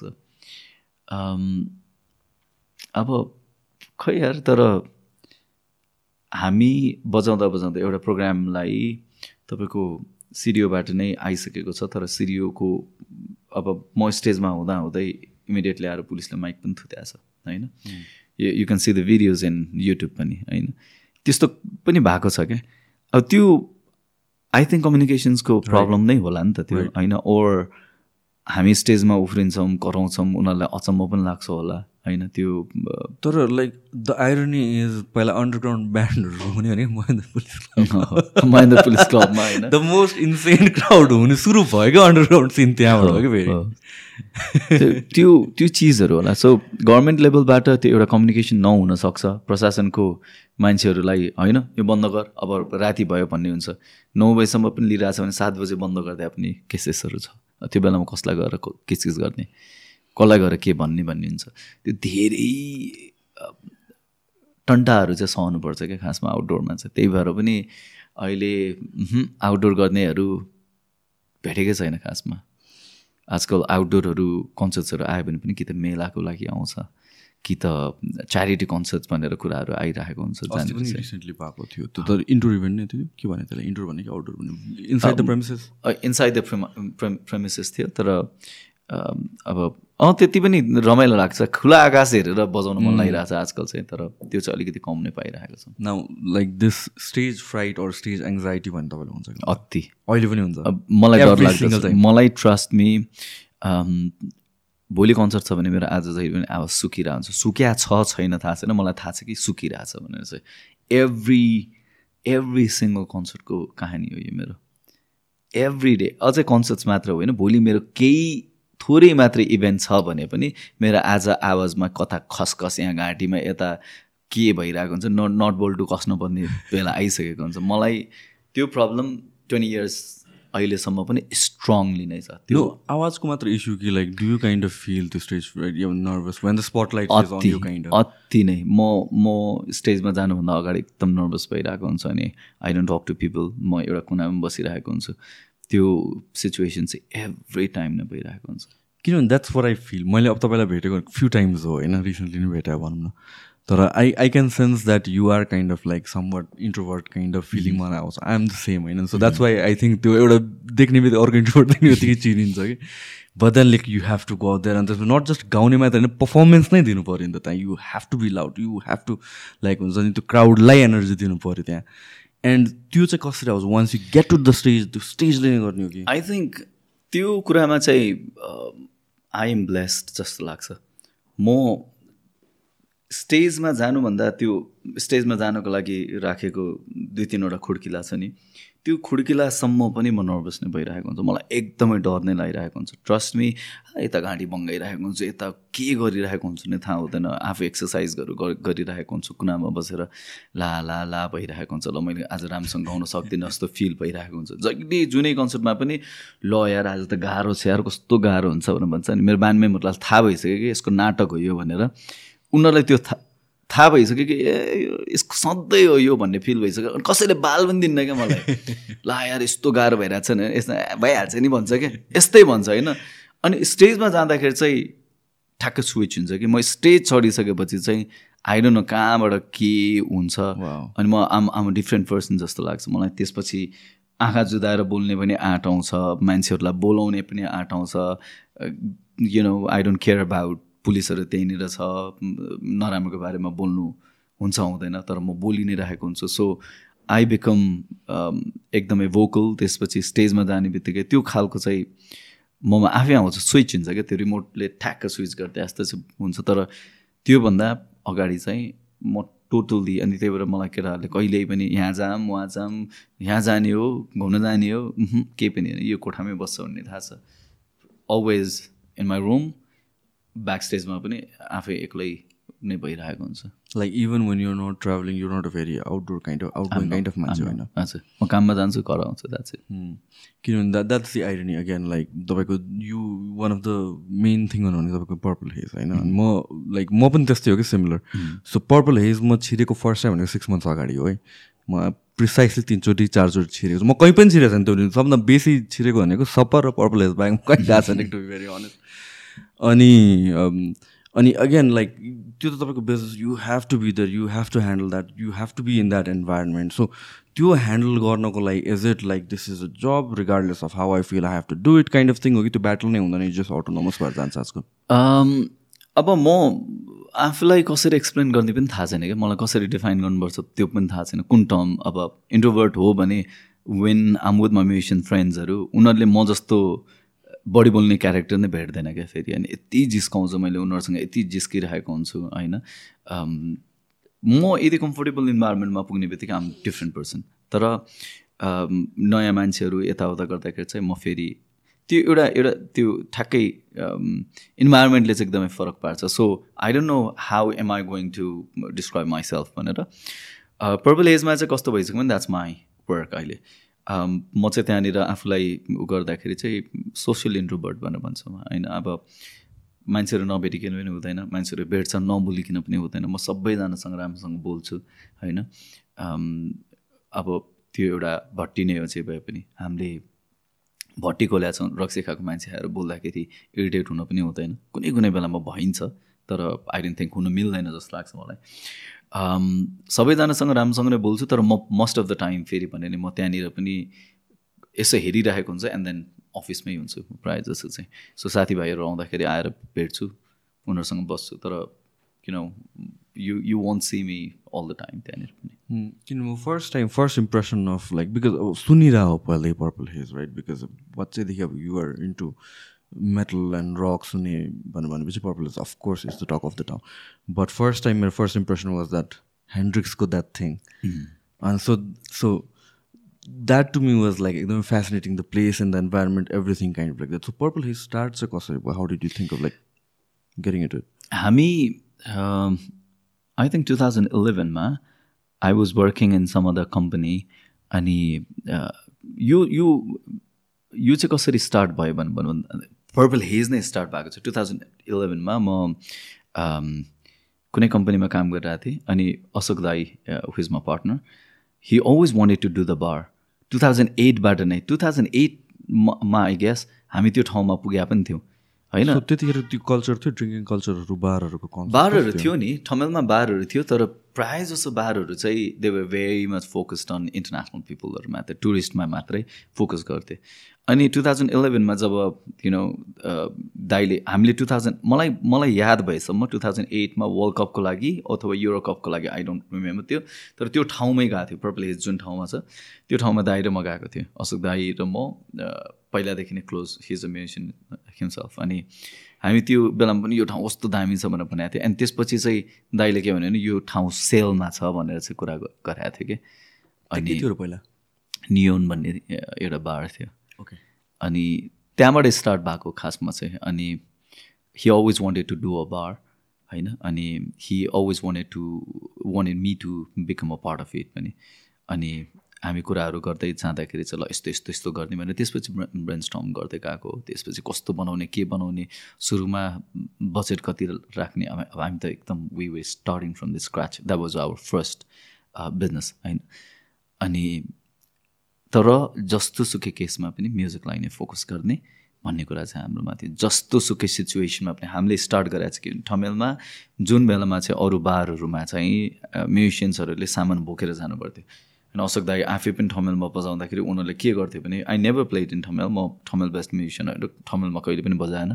पहिला भात खान पाउँछ भने रविन दाईको ब्याम्बुजमा बजाउँथ्यो हामीले while we were struggling and recording our album न त त्योभन्दा पछाडि चाहिँ मैले ठमेलमा म एकदम ठमेल पनि कम जाने मान्छे हो पहिलादेखि नै। I was studying I was very focused on my study अनि दाईहरूले बजाउँदाखेरि चाहिँ कहिले कहिले पुगिरहेको हुन्थ्यो। उनीहरू आफै फ्रन्ट लाइन पनि ब्याक लाइन पनि आफै बोकेर जाने अनि सेटअप गर्ने बजाउने हुन्थ्यो। अनि हाम्रो चाहिँ एउटै मात्रै दिमागमा के थियो भने एउटा कन्सर्ट इन्भाइरोमेन्ट क्रिएट गर्नुपर्छ जहाँनिर साउन्ड सिस्टम्सहरू चाहिँ भेन्यूले दिन्छ। So we were the first one to start that त्यो कल्चर एउटा स्टार्ट गर्ने we were the first one so sound system पनि पहिला हुन्थेन। कसैले पनि साउन्ड सिस्टम दिँदैन थियो। ब्यान्ड आफैले साउन्ड सिस्टम आफ्नो लगेर सेट गर्ने ड्रम्स पनि आफ्नो लगेर सेट गर्ने एम्पहरू पनि आफ्नो लिएर जाने एन्ड देन त्यसपछि एउटा कुनामा बजाउने सिस्टम थियो। तर हाम्रो दिमागमा चाहिँ के मात्र भयो भने चाहिँ हामीले एउटा स्टेज रेडी गर्ने जहाँनिर चाहिँ सुरुमा हामीले साउन्ड सिस्टम खत्रै राख्न नसके पनि साउन्ड चाहिँ राख्ने। साउन्ड राख्ने सामानहरू दिने भन्ने चाहिँ हाम्रो दिमागमा थियो। त्यसरी मात्रै स्टार्ट भएको। तर we were always focused on music and till this day अहिले पनि हामी एकदमै म्युजिकमा नै फोकस गरिरहेको छ। सो वाइ पर्पल हेज नाम चाहिँ? सुरुमा त कति नामहरू आएको थियो क्या? सुरुमा त कति नामहरू आएको थियो अनि हाम्रो जहिले पनि ब्रेन स्टर्म गर्ने भने चाहिँ हाम्रो भाइहरू छ म्युजिसियन भाइहरू छ हाम्रो अल स्टार्स भन्ने ब्यान्ड छ पर्पल एजमा फेरि पनि स्टार्ट गर्न खोजिरहेको छौँ। अहिले अलिकति ढलमल भइरहेछ हाम्रो केटाहरू घरि कहाँ जाने कहाँ जाने भएर। अनि आर्किटेक्ट टिम पनि त्यहीँबाट छ हाम्रो डिजाइनिङ टिम पनि त्यहीँबाट थियो अहिले इभेन्टको टिम पनि त्यही ब्यान्डबाट छ। सो हाम्रो एउटा सानो सर्कल छ। अनि हामी चाहिँ जहिले पनि त्यसमा त्यसमै घुमिफिरी फेरि त्यहीँ नै पुगिरहेको हुन्छ अनि त्यहीँ ब्रेनस्टर्म गर्दा गर्दै निस्केको चिज हो। नत्र फर्स्टमा हामीले डिफ्रेन्ट डिफ्रेन्ट दिमागमा आइरहेको थियो। घरि के राख्ने भनेर बनाएको थियो घरि के राख्ने भनेर बना भन्दै थियो। अनि त्यसपछि चाहिँ लास्टमा आएर चाहिँ पर्पलेज आएपछि every one agreed on this सबैजना हेन्ड्रिक्स फ्यान हो। खासमा त्यस्तो होइन। हेन्ड्रिक्स फ्यान भएर होइन we were just looking for the name नै। तर as soon as Purple Haze भनेर भन्यो हामीलाई चाहिँ दिमागमा के भने Hendrix would be the main right character of of this place भनेर। सो हामीले त्यस बेलादेखि नै एउटा पेन्टिङ थियो खासमा पहिला चाहिँ फर्स्टमा वाइट वालमा चाहिँ म्युजिकल नोटेसन्सले बनाएको हेन्ड्रिक्सको पिक्चर थियो। र त्यसले पनि धेरै नै उ गरेको छ। अम, एकजना अहिले पनि त्यो भाइलाई सम्झिन्छ म सरोज भन्ने भाइ थियो उसले बनाएको थियो म्युजिकल नोटेसन्सहरू मिलाएर हेन्ड्रिक्स बनाएको थियो। अनि त्यो वालमा थियो एन्ड देन त्यसपछि फेरि अर्को अहिलेसम्म थर्ड हेन्ड्रिक्स हो यो चाहिँ हाम्रो। तिनचोटि तिनचोटि हामीले त्यो अम, सुरुमा पेन्टिङ थियो त्यसपछि चाहिँ अर्को एउटा पेन्टिङ नै तर त्यो चाहिँ उमा थियो केमा केमा क्यानभासमा थियो। Okay. त्यो ठुलो क्यानभासमा थियो। अनि अहिले चाहिँ बल्ल चाहिँ अ, निकालेको छ। त्यो त्यो चाहिँ बनाउनु चाहिँ कहाँबाट आयो that that to me is insane so यो कुरा गर्ने बित्तिकै जेम्सलाई सम्झिनुपर्छ। James is an amazing artist James ले चाहिँ खासमा सुरुमा चाहिँ यो प्रोटोटाइप बनाएर लिएर आउँदाखेरि सानोमा बनाएर लिएर आएको थियो। हामीलाई चाहिँ यत्रो ठुलोमा बनाउनु त गाह्रो हुन्छ जस्तो भइरहेको थियो होइन? सो हामीलाई हेन्ड्रिक्स नै चाहिरहेको थियो। अब मूर्ति बनाउने कि चित्र बनाउने कि पेन्टिङ बनाउने कि के भनेर गर्दा गर्दै चाहिँ जेम्सले चाहिँ he came up with an idea of त्यो सानो बेचहरूमा चाहिँ प्रोटोटाइप बनाएर ल्याएको थियो। त्यसलाई ठुलो बनाउँछ भन्दाखेरि हामीलाई एकदम गाह्रो भएको थियो पत्याउनलाई तर हामीले पत्याएर धेरै राम्रो काम गऱ्यौँ। अनि उसलाई धेरै मिहिनेत पनि लाग्यो धेरै सेभेन एट मन्थ्स नै लाग्यो हामीलाई त्यो बनाउनको लागि। Each and every table tennis ball हो त्यो। It's made up of ten thousand one hundred fifty seven ta table tennis ball which is equivalent to the life he live the days he lived Jim Hendrix ten thousand one hundred fifty seven days बाँचेको थियो। Um, र त्यो त्यो ten thousand one hundred fifty seven table tennis बलले चाहिँ बनाएको छ। And credit goes to James so त्यो and ball his team and his team obviously त्यो बल केमा झुन्डिरहेछ त्यो वायर हो त्यो त्यो स्ट्रिङ्सहरू नै हो त्यसमा पुरै सानो। मेटल आई थिङ्क मेटल होइन त्यो। तर तर मेटल मेटल खालको नै ऊ छ। त्यो- चाहिँ अँ त्यो स्ट्रिङ नै हो त्यो चाहिँ मेटल स्ट्रिङ नै हो। त्यसमा टेबल टेनिस बल गाप्दै उनीहरूले कलर गर्दै त्यसरी निकाल्न सके सो त्यतिखेर भाइ त्यो बनिरहेको बेलामा त त्यो चलि पनि रहेको थियो भेन्यू पनि। थिएन। थिएन। हामीले हामीले यो रेनोभेट गर्दाखेरि चाहिँ कोभिडको टाइममा चाहिँ रेनोभेट द होल. प्लेस नै। So we demolish this place अनि reconstructed it again so whole time चाहिँ कोभिडकोमा चाहिँ हामीले भ्यायौँ। अलिकति कोभिड सक्यो एन्ड देन अरूले बारहरू खोल्न थालिसकेको थियो। हामी दुई तिन महिना ढिलो चाहिँ भयो तर it was during the covid time like कोभिडको बेलामा like how did you tackle all this hard. Like I I run business होइन मेरो पनि अब चार पाँचवटा जिमहरू छन् कसरी ह्यान्डल गर्नु? द्याट वाज लाइक अर्कै लेभल अफ ओभर हेड्स हुने रहेछ। Like one your overheads are high चल्न बन्द भएपछि थाहा हुने रहेछ कि जब त्यो प्रब्लम कस्तो हुने रहेछ ओभर हेड्सले भनेर। एन्ड आइम प्रिटी स्योर तपाईँको लागि इट्स सेन्टर प्लेस अनि त्यसपछि everything is an insane amount of स्पेसदेखि लिएर स्टाफदेखि लिएर सबै म्यानेज गर्नुपर्ने धेरै कुराहरू हुन्छ होला। कोभिडको बेलामा चाहिँ हाउ च्यालेन्ज हामीले फर्स्टमा स्टार्ट गर्दाखेरि कोभिड कोभिड भएको पनि थिएन। हामीले के गरेर प्लान गरिरहेको थियो भने एउटा एउटा साइड चाहिँ गर्ने बिचको पार्टिसन गर्दै कन्स्ट्रक्सन गर्ने प्लान गरे हो खासमा चाहिँ। अनि यता लेफ्ट ह्यान्ड साइडको चाहिँ गर्न सुरु गरिसकेका थियौँ हामीले। त्यो अनुसार चाहिँ स्ट्रक्चर बनाउने भनेर प्लान गरिसकेका थियौँ। ठ्याक्क कोभिड भयो अनि हामीले पुरै ड्यामडुम भत्काएर चाहिँ स्टार्ट गऱ्यौँ। तर त्यो बेलामा के ऊ भएन भने हामीले त कोभिड त एकछिनको लागि त हुन्छ नि। अब धेरै भयो पनि चार पाँच महिना भन्ने भइरहेको थियो। कसले सोचेको थियो कि ट्वेन्टी वान मन्थ्स पर प्लेस बन्द गर्नुपर्छ भाडा तिर्नुपर्छ। सब कुराहरू अझ त्यो माथि इन्भेस्टमेन्ट पनि गरिरहेछ। हामीलाई बेसरी गाह्रो धेरै फोनहरू उठाउन छोड्यौँ हामीले। त्यो त्यो भइरहेको थियो। सबैलाई गाह्रो भइरहेको थियो। एन्ड देन फोन नउठाउनेदेखि लिएर धेरै कुराहरू गर्नु परेको थियो। अब सब कुराहरू बल्ल आएर त ब्यालेन्स हुँदैछ। बेसरी नै भयो। तर ओपन हुँदाखेरि पनि कस्तो क्राउड रेस्पोन्स नर्मल भएर हामीलाई त्यो प्रब्लम चाहिँ भएन। इमिडिएटली ओपन हुने बित्तिकै चाहिँ पर्पल एजमा चाहिँ टचवुड अहिलेसम्म त्यस्तो प्रब्लम चाहिँ भएन। मान्छेहरू चाहिँ हुन्थ्यो। जे भए पनि अपरेसन चाहिँ ह्यान्डल गर्नु अलिकति किन कोभिडको आफ्टर म्याथ त भइरहेको थियो पोस्ट इफेक्ट त आइरहेको थियो होइन? तर खोल्ने बित्तिकै चाहिँ मान्छे चाहिँ हुन्थ्यो। त्यति चाहिँ झन् नयाँ ठाउँ पनि भयो। हामीले ओपनिङ पनि गऱ्यौँ फेरि एन्ड देन कन्सर्ट्सहरू फेरि स्टार्ट भयो। सुरु सुरुमा अलिअलि मान्छेहरू आउन हिचकिचाउँथ्यो होला तर मान्छेहरू त्यत्रो बाँधिएर बसिसकेको थियो कि। अनि धेरैलाई भइ पनि सकेको थियो कि। अब त मर्दिनँ भन्ने त सबैलाई फिल इनिसियल कपाल अफ मन्थ्समा चाहिँ सबैजना डराएको थियो। सो आई थिङ्क लाइक जुन अलमोस्ट टु इयर्स नै बन्द भयो नि त। त्यति बेलासम्म चाहिँ वाक्क दिएको भइसकेको थियो। खोल्ने बित्तिकै लाइक कहाँ जाउँ कहाँ जाउँ भइसकेको थियो किन इनिसियली त लाइक फर्स्ट कोभिडको न्युज सुन्दा त हामी पनि आएको थियौँ। ल अब लागेर मरिहाल्छ कि टाइपको थियो नि त। बट आफ्टर वाइल त इट स्टार्टेड बिकमिङ नर्मल अनि त्यसपछि खोल्ने बेला कोभिड कोभिडको फर्स्ट खोल्दाखेरि चाहिँ अरू बारहरू खोल्दाखेरि हाम्रो बन्द थियो कि। त्यही भएर हामीले त्यो त्यो एक्सपिरियन्स लिन सकेनौँ कि मान्छेहरू डराएको थियो यताउता भनेर। हामीले खोल्दाखेरि चाहिँ मान्छेहरू डर हटिसकेको थियो अनि मान्छेहरू आउन सुरु गरिसक्नु भएको थियो। त्यही भएर हामीले चाहिँ त्यो खेप्नु चाहिँ परेन कि मान्छेहरू डराइरहेछ भन्ने खेप्नु परेन। हामीले इमिडिएटली कन्सर्ट गराएको थियौँ। खोल खोल्ने बित्तिकै कन्सर्ट्सहरू गराएको थियौँ ब्याक टु ब्याक गराएको थियौँ अनि मान्छेहरू राम्रै हुनुहुन्थ्यो त्यसमा। त्यही भएर हामीले त्यो एउटा पेन चाहिँ भन्नाले अब बन्दको पेन त सधैँ छँदैछ। तर मान्छेहरू डराइरहेछ आएको छैन खोलेर पनि भएको छैन मान्छेहरू भन्ने चाहिँ गर्न पाएनौँ।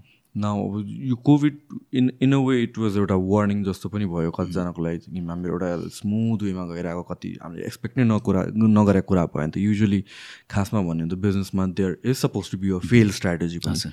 हामीहरूको त्यो चाहिँ देखियो कि फेल स्ट्राटेजी कसरी राखेको थिएन रहेछ। जुन ट्राजेक्टरीमा गइरहेछ त्यही कन्टिन्यू हुन्छ भनेर।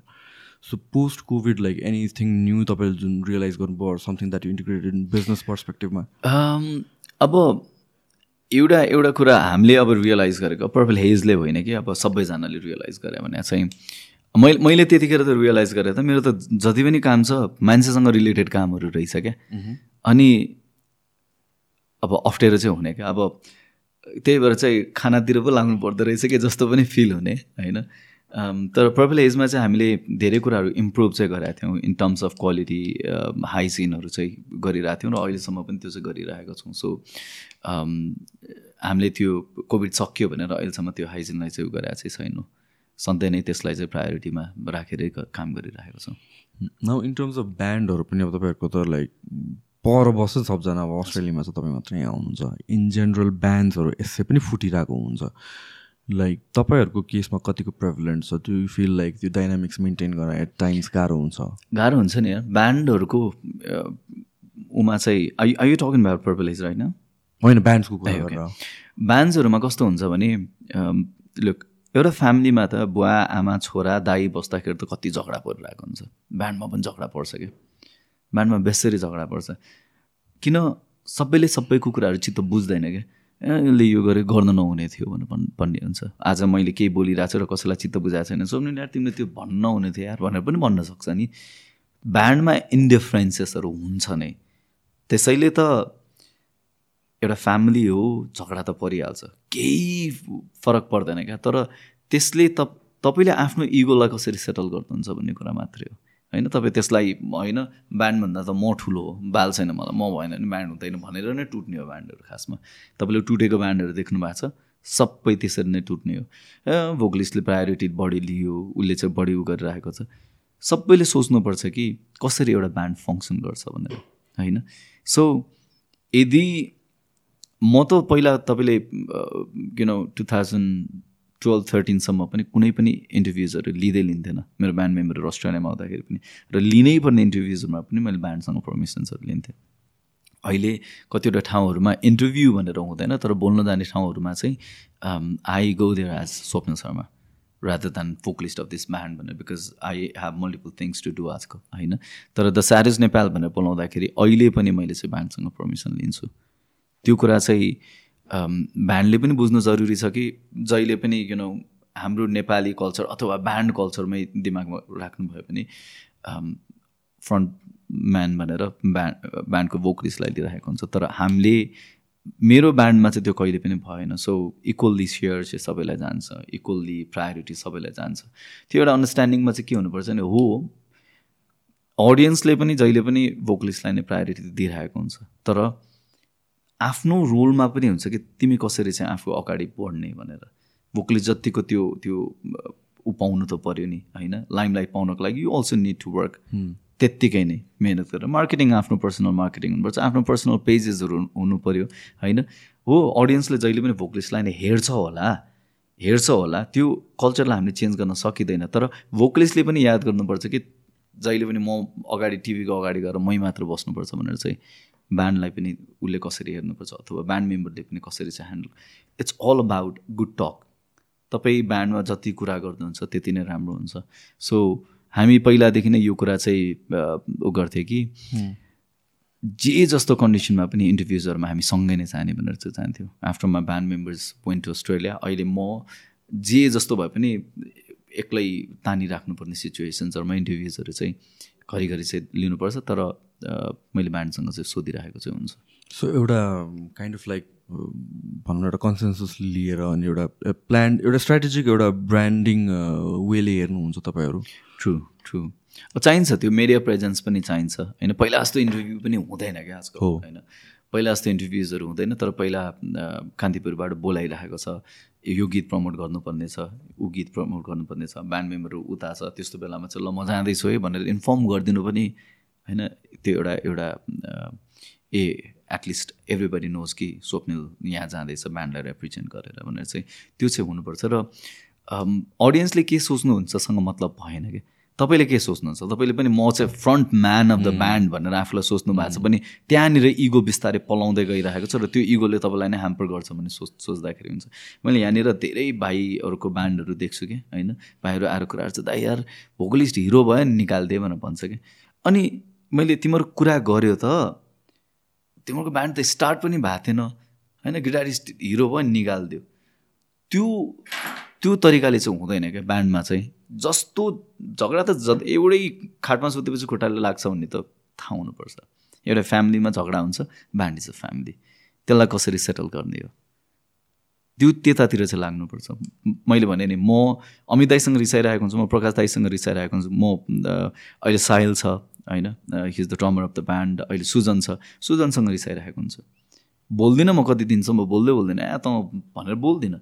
तर लास्टमा त हाम्रो त गोल भनेको त म्युजिक दिने नै हो नि त। उसलाई पनि म्युजिक गर्नु छ मलाई पनि म्युजिक गर्नु छ। दाईहरूलाई सबैलाई म्युजिक गर्नु छ नि त। अनि हामी के गर्छौँ? लास्टमा सेटल हुनैपर्छ त्यो इगो सेलाउनै पर्छ आफ्नो घमण्ड भन्ने चिज छ भने त्यसलाई पलाउन नदिएको नै राम्रो हुन्छ। ब्यान्डमा चाहिँ यति कुरा चाहिँ थाहा पाउनु चाहिँ पर्छ कि तिम्रो इगोले काम गर्नेवाला छैन। तिम्रो इगोले सबै मेम्बर्सहरूले दुःख पाउनेवाला छ भन्ने चाहिँ याद गर्नु पऱ्यो र specially I would assume in bands भनेको तपाईँले भने जस्तो मेन मान्छेले हेर्ने भनेकै भोकलिस्टलाई नै हो भोकलिस्टलाई भोकलिस्टको थ्रुबाट नै ब्यान्ड चिनिन्छ। आजकल त कति कतिवटा ब्यान्ड्सहरू अझ भोकलिस्टको नामबाटै फर्म भएको पनि छ नि त। अनि त्यस्तो बेलामा चाहिँ रेस्ट अफ द टिमले कसरी रियाक्ट गर्छ भन्ने कुरा पनि हो। प्लस भोकलिस्टले अरूलाई कसरी लाइमलाइटमा ल्याइदिन्छ भन्ने कुरा पनि I think it goes both with चाहिँ हो। न त once again the same thing त्यो इगोको कुराले गरेर आई मिन मेजोरिटी अफ ब्यान्ड्समा फ्रम एन अडियन्स अडियन्स पर्सपेक्टिभमा हेर्दाखेरि लाइक बेस गिटारिस्ट या भन्छ drummer unless they are like excellent नै नभएसम्म त बेस गिटारिस्ट र ड्रमर युजली ओभर स्याडोड नै भइरहेको हुन्छ क्या एन्ड अब अन्टरनेस युआर स्लिप नटको जो sort then it's a different thing तर लाइक हुन्छ नि people don't know about it अन्त त्यसपछि त्यहाँबाट डिस्प्युट अरिजिनेट हुने हो र इगो नै हो र कि like it's इन्डिफ diff indifferences in यो म्युजिक क्रिएसन या जनरहरू या भन्छ things they want to lead the band in होइन यार त्यो त्यसरी हुँदैन। मैले अब यही नेपाली ब्यान्डहरूकै कुरा गर्दाखेरि पनि होइन शरद दाई बिङ अ गिटारिस्ट शरद दाई त हिरो हो नि त जे भए पनि त। उसले दाईले जुनै पनि ब्यान्ड जोइन गरे पनि शरद दाईलाई कसले चिन्दैन र? होइन? मेरो ब्यान्डकै कुरा गर्ने हो भने पनि अमित प्रधान। अमिर प्रधानलाई कसले चिन्दैन बेस्ट गिटारिस्ट हो होइन बिङ अ बेसिस्ट कसले चिन्दैन। त्यो चिजहरू चाहिँ आफूले पनि वर्कआउट गर्ने चिजहरू हो कि। हाउ भोकलिस्ट भन्ने बित्तिकै भोकलिस्टले छुट्टै मार्केटिङ त गरे होइन होइन। उसले हो क्यामराको फ्रेम्सहरू धेरै पाइरहेको हुन्छ होला। उसले धेरै गाउँ गीतहरू गा अब गीत गाउँदाखेरि मान्छेले उसलाई नै हेरिरहेको हुन्छ होला। त्यो छुट्टै कुरा छ तर आफ्नो इन्डिभिजुअल वर्कआउट पनि गर्नु चाहिँ पर्छ। तपाईँले जे जस्तो भए पनि कसरी आफ्नो सोसियल मिडिया ह्यान्ड ह्यान्डल गर्नुहुन्छ त्यस्तो चिजहरू पनि फरक चाहिँ पर्छ। कतिवटा ब्यान्डहरूमा भोकलिस्टभन्दा अरू म्युजिसियन्सहरू पपुलर भएको पनि थाहा छ। कतिवटा ब्यान्डमा इक्वल्ली नै इम्पोर्टेन्स दिइरहेको हुन्छ सबैले एकअर्कालाई। एकअर्कालाई रेस्पेक्ट गर्नु इज त्यो त्यो इन्डिफरेन्स नै हट्छ क्या त्यसपछि चाहिँ होइन? झगडा पर परिरहेको हुन्छ तर रेस्पेक्ट भन्ने कुरा चाहिँ हुनुपर्छ अनि सबैजना सँगै आउँछ क्या त्यसपछि बल्ल होइन? सो अब एउटा ब्यान्डमा ड्रमर छैन भने त ब्यान्ड सक्यो। इक्वल छ नि त सबै त। होइन? ड्रमर छैन बेस गिटारिस्ट छैन भने त ब्यान्ड चल्दा पनि चल्दैन। होइन? भोकलिस्ट मात्र एक्लै गाएर त हुँदैन। होइन? त्यो आवाज उबाट निस्किन्छ होला तर ब्यान्ड त होल सबैजनाको मेहनत ल्याउने चिज हो नि त। त्यही भएर I think it depends on how you going to work on it तपाईँले त्यो इन्डिफरेन्सलाई कसरी सेटल गर्नुहुन्छ? तपाईँले आफ्नो पलाएको इगोलाई कसरी काट्नुहुन्छ भन्ने चिज मात्र हो। तर अहिले चाहिँ गाह्रो चाहिँ देखिरहेको छ। तपाईँले देख्नु भएको छैन ब्यान्डहरू धेरै ब्यान्डहरू देख्दै देखिँदैन कति कम भइरहेको हुन्छ होइन? तर एकअर्कासँग मिल्ने एकअर्कालाई बुझ्ने खालकोहरू त टुटेको पनि थाहा छैन मलाई। सो लाइक ब्यान्ड्सहरू कम हुनु कारण के हो? Is it because music scene change भएर अहिले म्युजिक सिन चाहिँ चेन्ज भइरहेको छ। किन सजिलो त यतिकै एउटा गिटार लिएर बजाउँदाखेरि कति सजिलो छ नि। टोर पनि यत्तिकै गर्दाखेरि सजिलो छ। र अब मान्छेहरूलाई पनि त्यस्तै म्युजिकहरू सुन्ने पनि बानी भइसकेको छ क्या अहिले। अब ब्यान्ड सुन्दाखेरि आई थिङ्क डिफ्रेन्ट एलिमेन्ट्सहरू सुन्दाखेरि एकदम डिफिकल्ट लिसनिङ भयो कि जस्तो पनि लाग्छ गरी गर्दै इजी लिसनिङतिर लागिसक्नु भएको छ सबैजना। त्यही भएर ब्यान्ड कल्चर बिस्तारै सेलाउँदैछ गइरहेछ तर हामी अब हतोत्साहित त हुनु हुँदैन हामी गर्नुपर्छ जे जस्तो भए पनि ब्यान्ड नै ब्यान्डतिर नै लागिरहेको छौँ त्यतिखेर गर्नुपर्छ। न म्युजिक क्रिएसनको डाइनामिक्स हुन्छ नि त। सोलो हुनु र एज अ ब्यान्ड हुँदाखेरि चाहिँ usually is it like again भोकलिस्टको साइडबाट आउँछ गिटारिस्टबाट आउँछ। एउटा सङको इन्सेप्सन भनौँ न कि लाइक एभ्री ब्यान्ड ड्रमरले पनि ल्याइन्छ बेस लाइन बेसिसले नै लेखेर ल्याउँछ। Like there might be one two instances अरू अरूले गरे तर मेजोरिटी अफ केसमा चाहिँ के हुन्छ कहाँबाट ओरिजिनेट हुन्छ? आई थिङ्क मैले मैले अघि नै पनि कुरा गरेको थिएँ नि हामी डिफ्रेन्ट म्युजिसियन्सहरू काम गर्दाखेरि जहिले पनि त्यो गीत चाहिँ अर्कै हुन्छ क्या।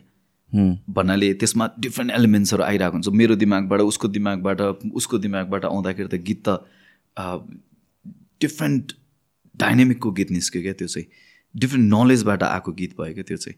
मैले मात्र गरिरहेको छ भने मलाई जे लिमिटेड नलेज छ त्यसमा मात्र हुन्छ अनि त्यसमा अझ मजा आउँदैन जस्तो लाग्छ मलाई खासमा। त्यो कि त तपाईँ बिङ अ भोकलिस्ट तपाईँले लगेर एकजनालाई गीत छोडिदिनु भयो ल यसमा ड्रम्स यो बज्ने यो बज्छ।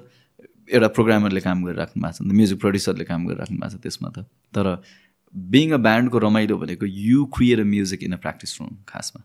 ओके सो इन्सेप्सन नै सबैजना भएको बेलामा? सबै भएको बेलामा चाहिँ निस्किरहेको हुन्छ। अथवा खेसरा जसले निकाले पनि गिटारिस्टले एउटा मेलोडी लाइन निकालेको छ भने पनि you come up as a band in a practice room अनि त्यसमा चाहिँ म यो हाल्छु म यो हाल्छु। यसमा यो हाल्न भन्ने खालको कुराले धेरै कुरा डेभलप गरिदिइरहेको हुन्छ।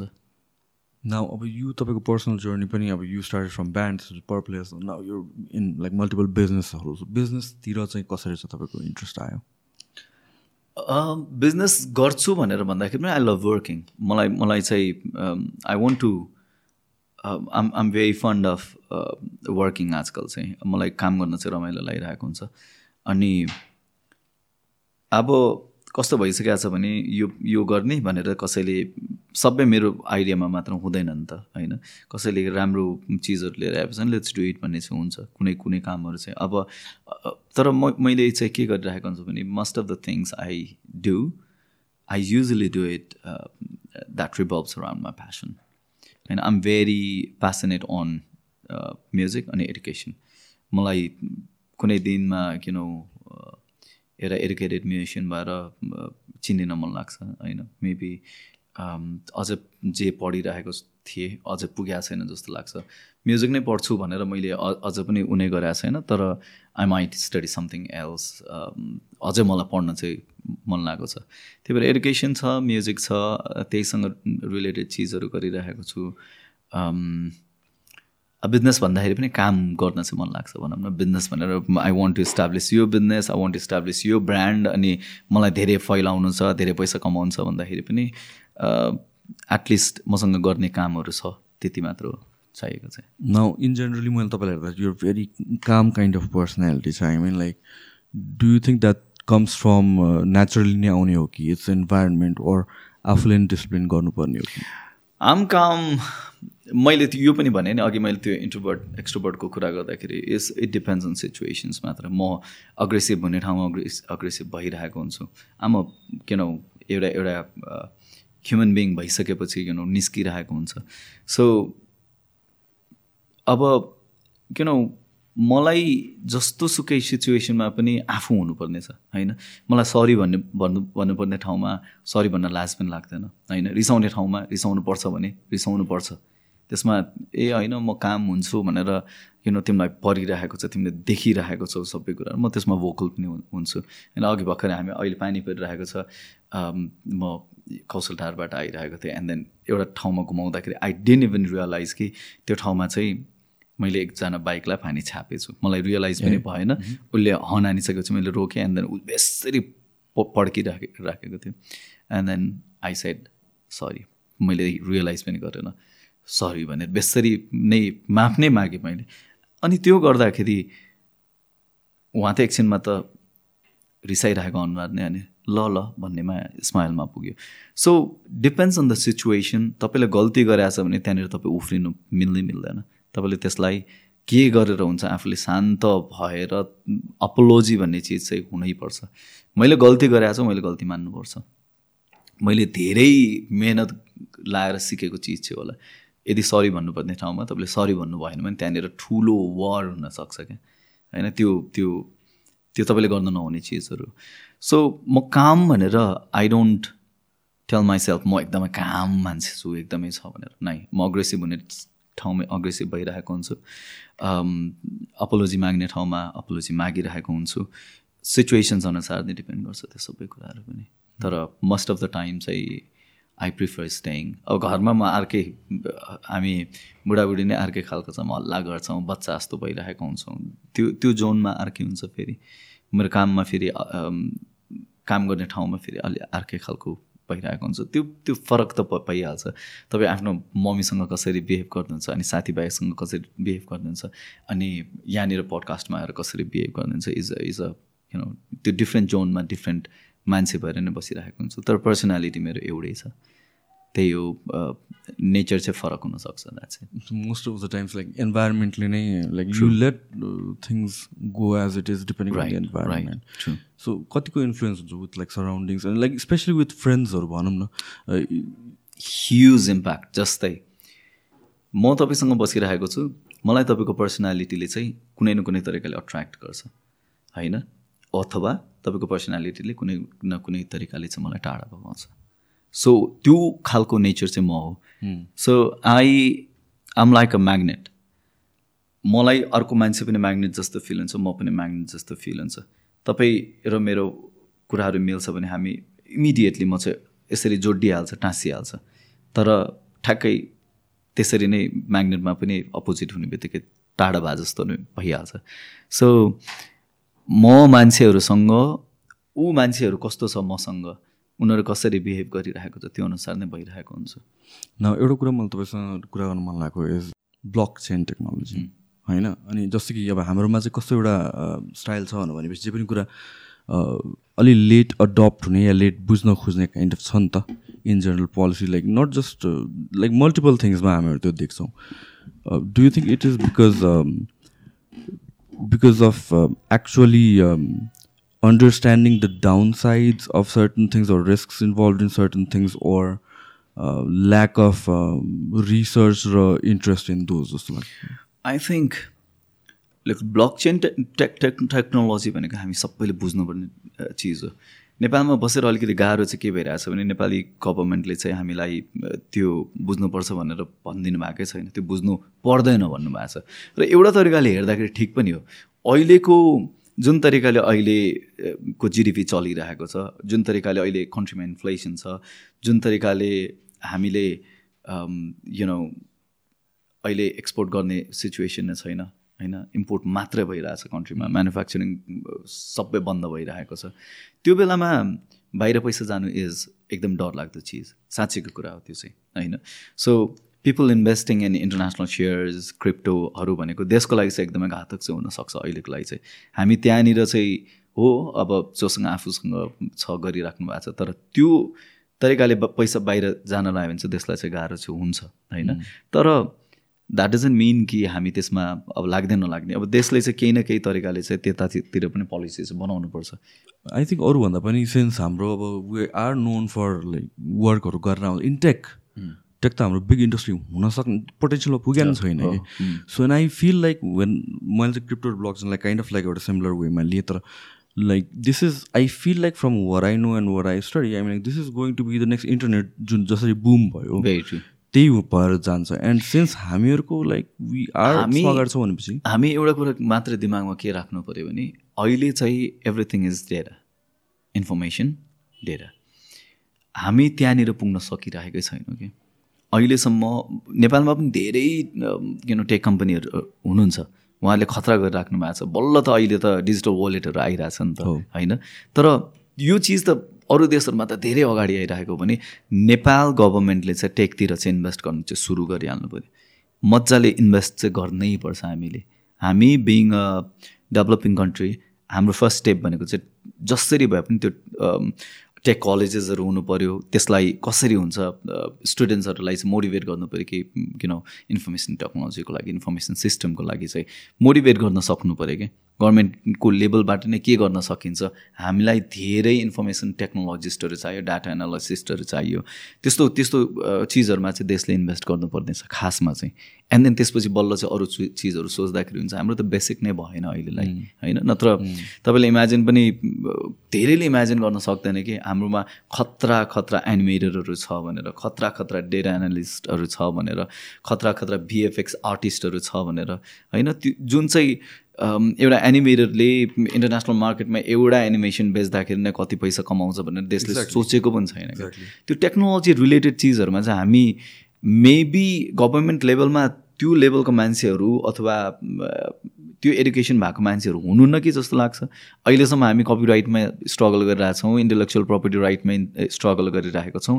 त्यो त धेरै परको चिजहरू भइरहेको छ। ब्लक चेनहरू भनेको त हामी अझै पनि बुझ्न नसकिने चिजहरू। यिनीहरू त किन कहाँ पुगिसकेको अब बिस्तारै बिस्तारै हामी if you if you seem a wallet I don't carry money होइन? अब भनेको त बिस्तारै बिस्तारै त उनी रुपियाँ नै हराउँदैछ क्या होइन? अब आफै सोच्नु न ब्याङ्कबाट ट्रान्सफर गऱ्यो त्यो पैसा छ कि छैन तर तपाईँको उमा आइरहेछ डिजिटल वालेटमा आइरहेछ। सबै कुराहरू आइरहेको छ। बिस्तारै त पैसा त हराउँदै गएको छ नि त। भनेपछि त केही न केही तरिकाले त तपाईँ त त्यो टेक्नोलोजीमा पुगिसक्नु भएको छ कि जहाँनिर ए मसँग पैसा छ। तर वेज द क्यास भनेर भन्दाखेरि होइन पैसा छ। छ नि कतै त छ नि क्लाउडमा छ कतै छ। त्यो त्यो भन्ने उमा पुगिसकेका छौँ। नेपालमा पनि धेरै चिज भइसकेका छ नि त्यस्तो त। तर हामी चाहिँ अलिकति पछि मात्र परिरहेछौँ बिस्तारै बिस्तारै आउनु चाहिँ पर्छ अगाडि। त्यही मलाई लाग के लाग्छ भनेपछि हामीले वी टकबाट हाम्रो इकोनोमीको कुरा गर्दाखेरि चाहिँ more than seventy five percent import नै गर्छौँ हामीले एक्सपोर्ट भन्ने केही पनि छैन। दिस इज समथिङ जहाँ चाहिँ मोस्ट लाइकली ओभर हेड्स या भन्छ प्रडक्सन कस्ट हाई नभएर वी क्यान एक्चुली एक्सपोर्ट यहीँ बसेर एक्सपोर्ट गर्न सक्छौँ। And where we can contribute र यसमा म कुरा किन उठाउनु खोज्छु जहिले पनि भनेपछि this is where I see we are हामीसँग ट्यालेन्ट छ तर इट्स इट्स स्टिल ल्याकिङ कि हामीले अझ प्रड्युस गर्न सक्छौँ ट्यालेन्टहरू अझ पुस गर्न सक्छौँ। वाइ यो लाइक एमबिए मात्र किन यत्रो हेभिली हेभिली हेभिली इन्फ्लुएन्स छ होइन? वाइ नट टेक इन्डस्ट्रीमा किन नजाने? टेकमा आउटसोर्स किन नगर्ने म्यासिभली किन रेभेन्यू त्यहाँबाट नल्याउने भनेर? त्यसमा सम सोर्ट अफ इन्भेस्टमेन्ट त चाहिन्छ नि be it in terms of education be it terms of financial investment होइन? सो यो कुरा चाहिँ I see a lot of potential I see that हामीहरूसँग export गर्ने धेरै चिज पनि छैन तर at the same time I see export गर्न सक्ने ट्यालेन्ट छ बट त्यहाँतिर चाहिँ ज जुन पुस हुनुपर्ने त्यो छैन क्या? मलाई फिल भएको कुरा हामी हामीसँग रिसोर्सेस टन्नै छ। नेपालमा रिसोर्स त खासमा त खत्रै छ नि त। एउटा सिमेन्ट फ्याक्ट्री खोल्नको लागि हामीसँग के रिसोर्सेस छैन? सिमेन्ट त हामीसँग त छ नि त चुनढुङ्गा त हामीसँग छ नि त होइन? तर हामीले त्यही चुनढुङ्गालाई के गर्छौँ? र मटेरियल चाहिँ एक्सपोर्ट गरिरहेको छौँ अनि फिनिस प्रडक्ट चाहिँ इम्पोर्ट गरिरहेको छौँ. आई थिङ्क यो चिजहरू कहाँनिरबाट बिग्रिरहेछ भने गभर्मेन्ट पोलिसीबाट त बिग्रेछ बिग्रेछ तर it's also because of the culture नै। अहिले याद गर्नुहोस् हामी गाउँमा पनि गयौँ भने सबैको दिमागमा के भइरहेको छ भने बाहिर जाने विदेशमा जाने कमाउने थर्टी थर्टी फाइभ थाउजन्ड नेपालमै कमाउ कमाउनु भन्दा पनि बाहिर कमाएकोलाई चाहिँ उहाँहरूले चाहिँ प्रायोरिटी दिनुभएको छ। गाउँमा अहिले गएर हामीले हेऱ्यौँ भने मान्छेहरूले कृषि गर्न छोडिसक्नु भएको छ कि किन? उहाँको एकजना चाहिँ विदेशमा छ अनि त्यही कमाइले पुगिरहेको छ। कृषि नगर्ने। किन? कृषिको लागि बजार पनि त छैन फेरि। पाँच रुपियाँको किलोको बन्दा किन्दा बेच बेच्नलाई कृषकहरू त त्यस्तो रमाउनु त हुँदैन नि त। त्यो ल्याएर अनि लास्टमा गएर हडताल गर्नु परेको छ बाटोमा फाल्नु परेको छ। मार्केट नै हामीले आफ्नो प्रडक्टको मार्केट गरेका छैनौँ। त्यो कसले गरे गरेका छैन भन्दाखेरि गभर्मेन्ट लेभलबाट आएको छैन। किन? त्यसमा करप्सन छ। करप्सन एकदमै ह्युज लेभलमा छ र बिचौलिया भन्ने चिज एकदमै ज्यादा छ। याद गर्नुहोस् अहिले नेपालमा सबैभन्दा बिग्रेको चिज नै भने बिचौलियाले बिचौलिया भने थाहा छ नि तपाईँलाई बिचको मान्छेहरू। कुनै पनि चिज जग्गा किन्दाखेरि बिचौलिया तरकारी किन्दाखेरि बिचौलिया सबै त्यो थर्ड पार्टी जसले चाहिँ केही गरे हुँदैन यताबाट यता गरिदिन्छ यताबाट यता गरिदिन्छ उनीहरूले नै सबै साँठगाँठ मिलाउँछ गभर्मेन्ट लेभलमा एन्ड देन त्यसपछि चाहिँ त्यो जे कुरा पनि यहाँबाट बिग्रिएको छ कि मैले बुझेको कुरा भनेको हामीसँग रिसोर्सेस छ। हाम्रो अहिले अलिकति कल्चरल लेभलमा चाहिँ के बिग्रिरहेछ भने हामी नेपालमा बसेर काम गर्न खोजेका छैनौँ गाउँमै गएर हेऱ्यो भने पनि कृषितिर ध्यान दिनु भएको छैन। एकजना कोही न कोही विदेशमा छ त्यतिले पुगिरहेछ भन्ने भइरहेछ। कृषि बेसरी घटिरहेको छ। र किन पनि नघटोस् भने हामीले बिउ पाएको छैनौँ हामीले मल राम्रो पाएको छैनौँ र हामीले त्यो सबै कुरा जेनतेन गरेर उब्जनी गऱ्यौँ भने पनि हामीले मार्केट पनि पाएको छैनौँ। त्यहाँनिर गएर बिग्रिन्छ। अनि त्यो सबै कुरा मिलाउनु पर्ने भने गभर्मेन्टले मिलाउनु पर्ने हो। उसले बिचौलियाहरू हटाएर कृषकलाई सिधै मार्केट दिन सक्यो भने त यो प्रब्लम सल्भ हुन्छ नि। हामीले इन्डियाको आलु खानुभन्दा इन्डियाको आलु अहिलेको लागि होल्ड गरौँ। ल फर एक्जाम्पल एउटा राम्रो यु नो कृषि मन्त्री आएर इन्डियाको आलु अहिलेलाई बन्द गरौँ। अहिले चाहिँ हामीले चाहिँ यो यो पोखराभन्दा माथि के यो एकदम आलु उब्जनी हुने ठाउँ छ। आई फर्क द नेम जो स्याङ स्याङ्जाभन्दा तलको एरिया हो त्यहाँनिरको आलु युज गरौँ न त भनेर गर्नु मिल्यो नि त। त्यहाँकोलाई मार्केट दियो भने त उहाँको कृषक त्यहाँको माटो नै आलुको लागि एकदमै राम्रो छ भने त एटलिस्ट उहाँहरूले त्यहाँनिरको लागि गर्नुहुन्छ नि त कामहरू। आलु उब्जनी गर्नुहुन्छ। त्यहाँ मार्केट त पाए नि त्यो ठाउँको सबैले काम त पाए नि त। मार्केट नै हुँदैन अनि उहाँहरू किन चाहिँ इन्फ्लुएन्स नहोस् त बाहिर जानको लागि चाहिँ?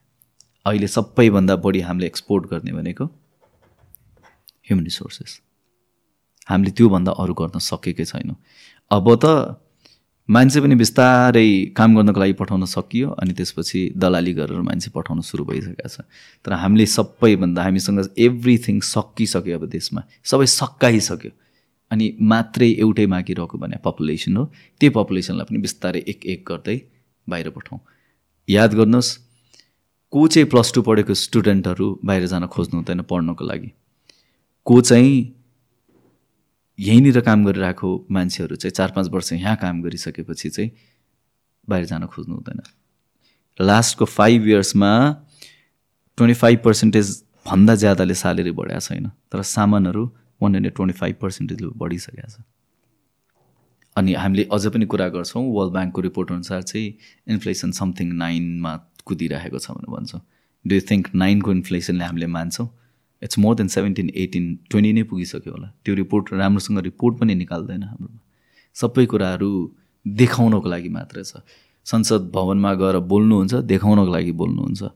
होइन? उहाँहरूले त्यो अनुसार काम गर्नु भएको छ कि भएको छैन भन्ने कुराहरू पनि हो। सो दोष त सबैको छ कि? हाम्रो मबाट दोष सुरु भइरहेको हुन्छ। मैले अघि भर्खरै मात्र कुरा गरिरहेको थिएँ।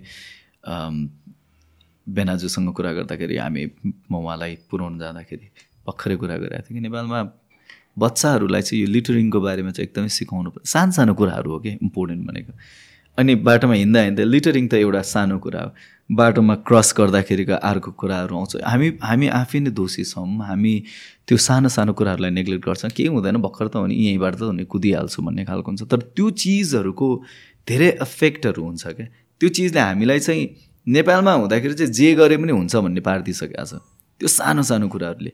एज सुन एज तपाईँ इन्टरनेसनल एयरपोर्टमा पुग्नुहुन्छ तपाईँ दुरुस्त चेन्ज हुनुहुन्छ। म बाहिर जाने बित्तिकै मैले लिटरिङ चाहिँ खोजेरै त्यहाँ बिनमा फाल्नुपर्छ भन्ने दिमागमा हुन्छ। नेपालमा चाहिँ जे गर्दा पनि भइरहेछ भने त्यो एउटा पलाइसकेको छ कि। हामीलाई बानी परिसकेको छ। Culture environment very very true so त्यो आफूभित्र भएको एउटा छुट्टै संस्कृति त्यो नै चेन्ज गर्नुपर्ने भएको छ. सो मैले ट्राई पनि गरिरहेको हुन्छ तर म पनि मोडिन्छ क्या घरिघरि त्यो त्यो विममा पुगिहालिन्छ नि त। त्यतातिर जे जेन तेन पुगिहालिन्छ। तर अब हामीले क्या सजिलो तरिकाले गभर्मेन्टलाई गाली गर्छौँ तर त्यहाँनिर त्यो लेभलमा पुगेर पनि काम गर्न पनि गाह्रो त हुन्छ होला होइन? अब त्यत्रोजना सांसदहरू हुनुहुन्छ एकजनाले काम गर्दाखेरि अर्कोले बिगार्ने भइहाल्छ होला। त्यही भएर किन अहिले त्यही भएर ढुक्क चाहिँ के भइरहेको छ नि मान्छेहरू बोलिराख्नु भएको छ? त्यो पोलिटिकल पावर अलिकति भए पनि कमजोर भएको देखिरहेको छ। त्यो हेर्दाखेरि चाहिँ आनन्द चाहिँ फिल भइरहेको छ। ला चेन्ज हुन्छ क्या? हो नेपाल भर्खरै चेन्ज हुन्छ कि जस्तो भइरहेको छ। सो एटलिस्ट एडुकेटेड मान्छे पुग्नु पर्दो रहेछ। उनीहरू पछिसम्म त्यही लेभलमा काम गर्न सक्छ कि सक्दैन थाहा छैन। तर अहिले जुन तरिकाले चाहिँ चेन्जेसहरू आइरहेछ लोकल लेभल गभर्मेन्टमै पनि होइन र किन गभर्मेन्ट त्यो त्यो हाई लेभलमा पनि चेन्ज चेन्जेसहरू आइरहेको छ। एटलिस्ट हाम्रो बोली बोलिदिने मान्छे हामीले जुन तरिकाले भइदियोस् भनेर सोचिरहेको छौँ त्यो तरिकाले चाहिँ काम गर्ने मान्छेहरू आउन लागेको हो कि जस्तो चाहिँ फिल चाहिँ भइरहेछ। तर धेरै गाह्रो चाहिँ छ उहाँहरूलाई पनि र हामीले नै सपोर्ट गर्नुपर्छ रहेछ क्या त्यो चिजहरूलाई आई थिङ्क अर्को कुरा भनेको चाहिँ प्रेसर पनि हेभी भयो कि किनभने चाहिँ this is like one of the first generations जुन चाहिँ एग्रेसिभली र हेभिली गयो युथहरू इन पोलिटिक्स अनि अब प्रेसर के भयो भनेपछि लाइक जनताहरूको एक्सपेक्टेसन नै एकदमै हाई भयो जाने बित्तिकै चेन्जेस त आजको भोलि त हुँदैन and there is a deep rooted system जुन चाहिँ डेकेड्सदेखि त्यहाँ बसेको छ अगेन काम गर्न दिन्छ दिँदैन भन्ने कुरादेखि लिएर प्रोसेसदेखि लिएर ब्युरोक्रेसी त सेम नै हो नि होइन मेन रिप्रेजेन्टेटिभ पो चेन्ज भएको सो आई थिङ्क त्यो पेसेन्स कहाँ कहाँ चाहिन्छ पनि आई थिङ्क त्यो अलर्टनेस पनि चाहिन्छ किनभने of course new new people new blood new education छन्छ but then along the way हाम्रोमा त पेसेन्सको लेभल नै छैन नि। इभन ममा छैन क्या त्यो। ल के भयो? यो अहिलेसम्म भएको छैन भन्ने खालको हुन्छ। तर त्यसलाई चेन्ज गर्न कति टाइम लाग्छ भन्ने कुरा। हामी अहिले मैले सबैभन्दा देखेँ भने एउटा मान्छेलाई देवत्व गर्न र टाइम नै लाग्दैन नेपालीहरूलाई। अनि त्यसलाई राक्षस बनाइदिनु पनि टाइम नै लाग्दैन नेपालीलाई। त्यो ग्रे साइड नै छैन क्या। टाइम दिनुपर्छ यो गर्नुपर्छ एकदम मन पऱ्यो भने त्यसको बारेमा महानताको कुराहरू मात्र गर्यो। अनि उसलाई इमिडिएटली मिडियाले त जहिले पनि के गर्छ भने यसरी काम गर्छ क्या होइन इक्वलिब्रियममा राख्दै राख्दैन। उनीहरूले कि त चढाउने काम गर्छ कि त झार्ने काम मात्र गर्छ। मिडियाको काम त थियो। तर हामी त्यही बहावमा छिरिरहेको हुन्छौँ। एकजनाले राम्रो भन्यौँ भने ओहो उसको बारेमा नराम्रो सुन्न सक्दै सक्दैनौँ। त्यो राम्रो गर्ने मान्छेलाई पनि सजेसन चाहिन्छ भन्ने कुराहरू कसैले पनि याद गर्दैन पोइन्ट त्यो राम्रो गरेको मान्छेलाई पनि कन्स्ट्रक्टिभ क्रिटिसिजम त चाहिन्छ नै। उसलाई पनि धेरै कुराहरू राम्रो गरिरहेको छु मैले। अझै मलाई यस्तो मोटिभेसन आइरहेको छ। मान्छेले सुझाव दिइराख्नु भएको छ। होइन सुझावै दिनु हुँदैन एउटा क्रिटिसिजम भन्ने चिज त जसलाई पनि राम्रो हो कन्स्ट्रक्टिभ छ भने होइन? यहाँ त ओहो देवता हो देवता हो देवता हो बनाइदिन्छ एन्ड देन त्यसपछि राक्षस हो राक्षस हो राक्षस हो बनाइदिन्छ। उसलाई कहिले पनि मान्छे हुनै दिँदैन क्या। त्यो चिज चाहिँ आई थिङ्क हाम्रो यहाँनिर सबैभन्दा डिसएडभान्टेज अफ इन्टरनेट जस्तो लाग्छ मलाई। घरमा बसेर लेख्न अनुहार पनि देखाएको छैन केही पनि भएको छैन। यत्तिकै बोल्नु त कति सजिलो भइरहेको छ। तर त्यो लेभलको मान्छेलाई यो काम गरेर यो इक्वलिब्रियममा बस्न पायो भने पो रमाइलो हुन्छ त। उसलाई त यो चढ्नु छ अनि त्यो इक्वलिब्रियममा बसेर केही वर्ष देश हाँक्नु छ लोकल लेभलको गभर्मेन्ट हाँक्नु छ। त्यो हामीले त्यो इक्वलिब्रियम नै दिँदैनौँ कि त चढाइदिएछौँ कि त खसाइदिएछौँ कसैको काम नै हेर्न खोजिरहेको छैनौँ हामीले। त्यो चिज चाहिँ अलिकति बिग्रिरहेको हामी इन्फ्लुएन्स साँडो भइरहेको छौँ जस्तो लाग्छ मलाई। सो जसले तपाईँलाई हावा पङ्खा यता फर्काइदिएको छ भने हामी त्यतै पुगेका छौँ यता फर्काइदिएको छ भने यतै पुगिरहेछौँ सो एउटा फाइभ मिनट्सको थिङ्किङ मात्र हो कि त्यो बौद्ध बौद्धिक स्तर चाहिँ एकदमै घट्या जस्तो लाग्छ। हामी एकचोटि राम्रोसँग सोच्नु पऱ्यो कि यो किन भइरहेको छ भनेर। त्यो त्यो सोच्नै नसक्ने भएको हो कि हामी जस्तो चाहिँ फिल हुन्छ मलाई। अलि चित्त दुखाइ छ त्यतातिर छ। या मेरो पनि कन्सर्न त्यही हो कि किनभने हामीले मान्छेहरूलाई राइट पोजिसनमा चाहिँ पुर्यायौँ होइन? अब त्यो एकैचोटि सबैजना पुग्दा पनि पुग्दैन त एक्सपेक्ट गर्नु पनि हुँदैन। सबैजना एकैचोटि रिप्लेस हुन्छ भने पनि सोच्नु हुँदैन र रिप्लेस गर्नु पनि हुँदैन एकैचोटि। एक्सपिरियन्स पनि त चाहियो नि त। होइन नलेजले मात्र हुँदैन इन्थुजियाम इन्थुजियाजमले मात्र पनि हुँदैन। But at the same time change गर्न टाइम लाग्छ कि आजको भोलि हुँदै हुँदैन। And that is where we are भनौँ न एकदमै पोलर वेमा डिभाइड भएको भने चाहिँ त्यहाँ हो। होइन हामीहरूलाई आजको भोलि नै चेन्ज छ। त्यो हुँदैन त्यो लाग्छ। दुई तिन टर्म त लाग्छ नि। डिकेट लाग्छ नि त्यो पनि बिस्तारै मोडिनुलाई लाग्छ। जुन डिरेक्सनमा गइरहेछ त्यो डिरेक्सनबाट रोकिनुलाई टाइम लाग्छ पहिला सुरु। चेन्जेस आउने भनेको त बिस्तारै अहिले भनेको फाउन्डेसन बिल्ड गर्ने हो। द्याट इज वान थिङ र अर्को भनेको त द थिङ अबाउट क्रिटिसिजम पनि मलाई अचम्म लाग्छ यो कुरा। कस्तो भयो भनेपछि कल्ट काइन्ड अफ मेन्टालिटी भयो कि? Either your fault or against it kind of अनि त्यो चाहिँ डेट्रिमेन्ट हो। द्याट हामीले भन्छ नि लाइक इभन सेलिब्रिटिजहरूदेखि लिएर जसको पनि because of mass appreciation ego बढ्यो भनेर भन्छौँ। या चाहिँ राइट फ्रम रङ छुट्याउन सकेन। त्यो त पारिदिएको हो नि त। मान्छेलाई position of power position of भनौँ न एउटा इम्पोर्टेन्ट ठाउँ दिएर त्यस्तो पारिदिएको हो नि त। त्यो पार्नु भएन कि। एभ्रिथिङ मे नाइन्टी पर्सेन्ट काम राइट गर्छ होला टेन पर्सेन्ट रङ गर्छ भने चाहिँ त्यो टेन पर्सेन्टको लागि उसलाई गाली गर्ने चाहिँ होइन तर ओके यहाँ यो यो कुरा चाहिँ मेबी इम्प्रुभमेन्ट गर्न सकिन्छ भने ठाउँ दिनु पऱ्यो कि। तर यहाँ चाहिँ के छ भने त्यो टेन टेन पर्सेन्टले पनि तैँले उसलाई गाली मात्र गर्छ नाइन्टी पर्सेन्टले त गाली नगर मात्र कम्प्लिटली डिभाइड भयो क्या त्यो। मलाई चिन्ता लाग्ने भनेको चाहिँ स्पेसली विथ द पोलिटिक्स किन पोलिटिक्स भनेको हामीले आई फिल लाइक युथहरूले अहिले पनि धेरैले बुझाएको छैन। यो बुझ्न चाहिँ जरुरी छ। म पनि आफू एक्सपर्ट चाहिँ होइन। म पनि बुझ्न खोजिरहेको छु बिकज नट बिकज मलाई इन्ट्रेस्ट लाएर होइन कि। अब त पोलिटिक्स नबुझेर सुखै नहुने भयो। हामीहरू सबैजनाको life is govern by politics and the policies everything is policy त हो नि। जे पनि कुरामा हामी आखिर दोष दिने पोलिसीलाई दिन्छौँ। अन्त पोलिसिज कसले हेरेर छ त? हामीले नै हेरेर छैनौँ look your part of politics and economics त्यो तपाईँले चासो दिनुहोस् नदिनुहोस् your part of the politics किन? And and economics as well तपाईँको घरबाट नै सुरु हुन्छ तपाईँको सबै। देशको इकोनोमी नै। तपाईँको त्यो त्यो जराबाट नै स्टार्ट हुन्छ देशको पोलिटिक्स नै। तपाईँको सोचबाट स्टार्ट हुन्छ देश बन्ने नबन्ने भनेर चाहिँ खासमा। सो चाहे तपाईँ भोट हाल्न जानुहोस् न नजानुहोस् but you're part of politics त्यसले तपाईँलाई असर गरिरहेछ त्यसले छोइरहेको छ। त्यसमा politics is a dirty game भन्ने एकदम त्यो त्यसरी पढाइयो पनि बच्चादेखि नै हामीलाई त्यसरी ब्रेन वास गरियो पनि नि त। हामीले यदि अझै पनि स्ट्रङ हुने भने राजनीति शास्त्र प्रत्येक पाठ्यक्रममा हुनुपर्छ क्या एउटा इकोनोमिक्स र एउटा चाहिँ राजनीति शास्त्र चाहिँ हुनैपर्छ हामीलाई पोलिटिक्सको बारेमा ज्ञान हुनैपर्छ हामीलाई थाहा छैन कि लोकल गभर्मेन्टमा कसरी चल्छ भनेर। होइन? हामीले नेसनल गभर्मेन्टमा कसरी देश चलिरहेको छ भनेर थाहा छैन हामीलाई। त्यो थाहा हुनैपर्छ होइन? कसरी हाम्रो संविधान कसरी काम गरिरहेको छ भनेर थाहा छैन। संविधान संशोधन कसरी हुन्छ देशमा त्यो केही कुराहरू पनि कसैलाई पनि थाहा छैन। हामी यत्तिकै ताली बजाउने थपडी बजाउने यता बजा भन्यो भने यता बजाइरहेको छौँ यता बजा भन्यो भने यता बजाइरहेको छौँ। आई थिङ्क राजनीति शास्त्र राज राजनीति शास्त्र र अर्थशास्त्र चाहिँ हाम्रो जीवनको एकदमै महत्त्वपूर्ण अंश हो। यसलाई हामीले नकार्न सक्दै सक्दैनौँ। ए मलाई यसको बारेमा थाहा छैन भने तपाईँको देश कसरी चलिरहेको छ भन्ने कुरो तपाईँलाई थाहा हुनुपर्छ। यो चिजहरू एकदमै इम्पोर्टेन्ट छ। सो रादर देन कुन लेभलमा हल्ला गर्ने मात्रै कुन लेभलमा कुरा गर्ने मात्रै कुन लेभलमा हामीले ज्ञान बढाउने भन्ने कुरा पनि सोच्नु चाहिँ पर्छ क्या। यो कुरा चाहिँ अलिकति बढी उ भइरहेछ। तपाईँलाई मन परिन्जेलसम्म चाहिँ त्यो मान्छेलाई चाहिँ जे गरे पनि ठिक छ। राजनीतिज्ञ नै किन नहोस् तपाईँको स्पोर्ट्स प्लेयर नै किन नहोस् एक्टर सिङ्गर्स नै किन नहोस् उसले जे गरे पनि राम्रो भनिदिन्छ केही टाइमको लागि। उसलाई मन परिन्जेलसम्म एउटा एउटा फेज हुन्छ उसको। त्यतिखेरसम्म उसले जे गरे पनि राम्रो भनिदिइरहेको हुन्छ। अनि त्यसपछि फेरि उसलाई नै राक्षस बनाइदिइरहेको छ। यो system I think cultural flaw flaws हो यो चाहिँ।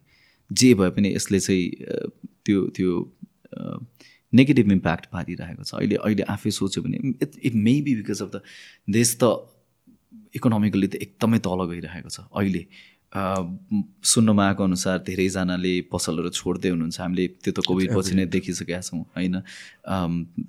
किन ब्याङ्कको रेटहरू तपाईँले लोन रेटहरू हेऱ्यो पनि आकाशिदो छ होइन? अझ बढ्छ भनेर भनिरहेको छ।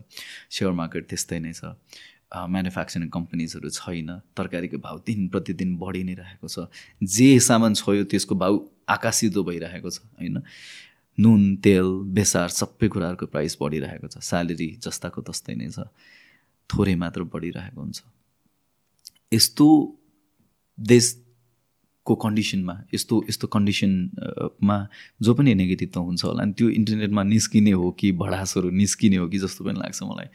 तर संयम अलिकति भए पनि त्यो कन्ट्रोल चाहिँ हुनुपर्छ जस्तो लाग्छ। तपाईँ त्यहाँ बसेर अहिले त जोक हान्ने चलन निस्किरहेको छ म त अचम्म पर्छु। जस्तो केसमा पनि अब को न्युज आइरहेको हुन्छ अनि त्यसमा चाहिँ जोक हान्दिया छ भिक्टिमलाई नै नराम्रो बनाइदिइरहेको छ होइन? तपाईँलाई मनपर्छ भनेर त्यो मान्छेलाई चाहिँ एकदम देवत्व गरिदिइरहेको छ उसले जे गरे पनि राम्रो भनिदिइरहेको छ। यो चिजहरू चाहिँ मलाई अलिकति अचम्म लागिरहेको छ र म कतै न कतै त्यसको शिकार म आफू पनि भइरहेको छु त्यसले गर्दाखेरि म पनि भिजिरहेको छु म पनि नेगेटिभ भइरहेको जस्तो जस्तो पनि फिल चाहिँ हुन्छ। घरिघरि अनि ओहो यार यस्तो भइरहेको छ। बसिँदैन कि अब देशमा। अहिले पनि even after you know working for right very long time घरिघरि त्यो फिल चाहिँ हुन्छ। तर कन्ट्रोल भन्ने कुरा चाहिँ आफूमा हुनुपर्छ त्यो emotional control emotional learning emotional intelligence भन्ने कुरा चाहिँ मान्छेमा हुनुपर्छ जस्तो लाग्छ। मलाई मेरो मेन कन्सर्निङ कुरा भनेको चाहिँ जुन तपाईँले भन्नुभयो कि बिस्तारै स्टोरहरू पनि बन्द भइरहेको छ। कोभिडदेखि भएको बट राइट नाउ म्यासिभली त्यो एस एस्कुलेट भइरहेको छ। इकोनोमी स्लो हुनु या बिजनेस स्लो हुनु भनेको it's one thing economy normal हुन्छ फेरि रिज्युम भएर जान्छ राइट तर वान्स त्यो सटर खाली भएपछि त्यो सटर भर्नलाई चाहिँ टाइम लाग्छ त्यो मान्छे फर्केर आउँछ आउँदैन मोस्ट लाइकली त्यहाँतिर। के भनेपछि हल्ट नै भयो क्या। It's not slowing anymore it's like dead नै भएको राइट सो कतिवटा बिजनेसेस त्यसरी डेड भएको छ। सो अब भन्छ economy X amount of time पछि रिकभर हुन्छ नि लाइक त्यो हुन्छ कि हुँदैन आम नट स्योर किनभने त्यो नाउ अब ब्याङ्कको इन्ट्रेस्टले रेटले मात्र डिक्टेट गर्दैन त्यो कुरा। कतिजना त उठेर नै गइसक्यो। त्यो त इकोनोमीको पार्ट हो मलाई concern is the same thing with population के? पपुलेसन पनि अब यहाँ सफर गरेर बसिरहेको होइन कि? There is a huge amount of population जो फर्केर आउँदैन। सो इभेन्चुली यहाँ हुन्छ चाहिँ को? I'm not blaming then I understand the situation I understand हुन्छ नि त्यो फ्रस्ट्रेसन र त्यो उनीहरूको पनि अब आफ्नो रिजन्सहरू छ तर इभेन्चुली त्यसको आउटकम के त भन्दाखेरि चाहिँ जो एजुकेटेड र जो यङ ब्लड छ जसले केही गर्न सक्छ र जसले औँला ठडाउन सक्छ त्यो त नहुने भयो नि त। भनेपछि इज दिस कन्ट्री पनि is it going to be resume or it's going to collapse भन्ने कुरा हो. त्यो concern next five to ten इयर्समा चाहिँ it's going to be very evident that to me is concerning that to me is like why people should understand things like politics र economics all though it's not interesting होला तर they are so many things हामीलाई interesting नलाए पनि गर्छौँ कि that is one of those things अब यसमा चाहिँ किन अब सबैजना होला अब नेपालको एडुकेसन सिस्टम खतरा पनि भन्दैन नराम्रो पनि भन्दैन म होइन? तर पढ्नको लागि बाहिर जानु is a very good thing होइन? तर massive respect to all those people जो चाहिँ नेपालमा आएर बस्न खोज्नुहुन्छ after you know living there for some times उहाँहरू आएर यहीँ पनि काम गरिराख्नु भएको छ स्टार्टअप्सहरू गरिराख्नु भएको छ यस्तो इकोनोमिक कन्डिसन भएको बेलामा पनि। एन्ड त्यो चाहिँ एकदम म्यासिभ रेस्पेक्ट जस्तो लाग्छ। सबैजना त्यस्तो होइन सबैजना बस्न खोजेको छैन तर बाध्यता पनि छ नि त। कुन चाहिँ बाउ आमालाई चाहिँ छोराहरू चाहिँ यहीँ बस्छ जस्तो फिल हुन्छ र अहिले भनेको? त्यो भएकै छैन क्या खासमा। किन कुनै न कुनै तरि तरिकाले चाहिँ हामी भिक्टिम चाहिँ हुन्छौँ। यहाँनिर इकोनोमिकल्ली भिक्टिम भइरहेको छौँ पोलिटिकल्ली भिक्टिम भइरहेको छौँ। कुनै न कुनै तरिकाले त हामीलाई त बेसरी ह्याम्पर गरिरहेको छ होइन? तपाईँलाई देशले नै पठाइरहेको छ। देश देशले भन्दिनँ मैले तर यु नो देशमा काम गर्ने कर्मचारीहरू हो नि त हाम्रो नेताहरू पनि। उहाँहरूले नै पठाइराख्नु भएको छ होइन? त्यो तरिकाले हेर्दाखेरि चाहिँ एउटा बुलन्द खालको रेभोल्युसन चाहिँ आउनुपर्छ। घरिघरि आयो कि जस्तो पनि फिल हुन्छ। घरिघरि होइन यो त फेरि म्यासिभ डिसपोइन्टमेन्ट हो जस्तो पनि फिल हुन्छ फेरि होइन? तर किन कुनै न कुनै तरिकाले चाहिँ राम्रो हुनुपर्छ। एउटा यस्तो व्यक्ति आउनुपर्छ जसले चाहिँ किन सब कुरा चाहिँ त्यो व्यक्ति अहिलेकै मान्छेहरू पनि हुनसक्छ कि? होइन? सानो चेन्जेस हुँदाखेरि त हामी अहिले प्रचण्ड सरकारसँग हामी कति खुसी थियौँ कि ओहो एउटा करप्सनको केसेस भए पनि आयो भनेर। तर यो त एउटा देखाउने दाँत मात्र हो नि त खासमा त। त्यसमा त भित्रपट्टि बत्तिसवटा दाँत लुकेर बसेको हामीले देखाएको छैनौँ। त्यो छड्के दाँतलाई मात्रै देखिरहेको छौँ खासमा। होइन? तर त्यो छड्के दाँत पनि किन निस्क्यो भनेर मलाई त शङ्का पनि लाग्छ फेरि। खासमा त्यसमा अरू दाँतहरू नदेखाउनुको कारण चाहिँ के हो भनेर। प्रत्येक दाँत देखिनु पऱ्यो प्रत्येक दाँतमा किरा लगाएको छ। त्यो त देखिनु पऱ्यो नि त। हामीलाई थाहा छ नि करप्सन कुन लेभलमा भइरहेको भनेर। हामी बोल्न पनि नसकिरहेको त। बोल्ने बित्तिकै फेरि हामी नै डसिन्छौँ कि भन्ने कुरा एउटा डर छ नि त खासमा त। नत्र मलाई कति बोल्नु मन लाग्छ कति किन यो यो बारेमा। तर फेरि ला म त फ्यामिली म्यान हो। मेरो त फ्यामिली छ। म मेरो त काम छ। कामलाई ह्याम्पर गर्छ कि मेरो फ्यामिलीलाई ह्याम्पर गर्छ कि? ह्युमन नेचर हो। त्यो त आइहाल्छ दिमाग त होइन? तर अहिले जुन तरिकाले कामहरू भइरहेको छ it's it is such a disappointment तर जुन तरिकाले अब अर्थमन्त्रीले आएर भनिदिनुहुन्छ कि देश चल्ने स्थितिमै छैन भनेर भन्नुहुन्छ। त्यो त सिरियस सिरियस इस्यु हो। देशमा कहाँबाट मात्र पैसा आएको छ भन्दाखेरि विदेशमा काम गर्ने नेपालीहरूबाट मात्र पैसा आएको छ। नत्र पैसा गएको मात्र देख्छौँ हामीले। गएको मात्र देख्छौँ। त्यो चाहिँ खतम भइरहेको छ। आलु आलु आलुदेखि प्याजदेखि लिएर नुनदेखि लिएर नुन त बाहिरबाट मगाउनु परिहाल्छ।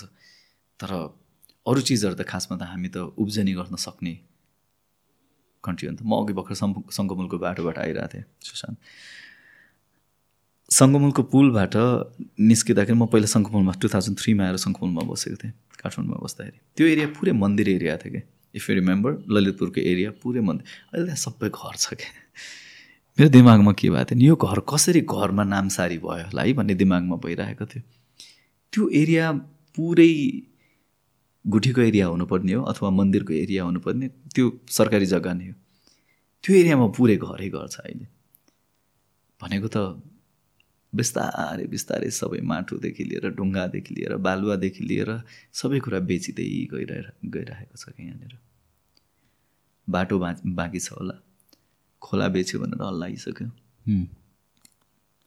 डर लाग्छ यहाँनिर हामी नै अब यहीँ बस्छु यहाँबाट कहीँ पनि जान्न भनेर बसेको मान्छेहरूलाई पनि एउटा डर चाहिँ छ कि मैले राम्रो डिसिसन गरेँ कि नगरेँ भनेर चाहिँ।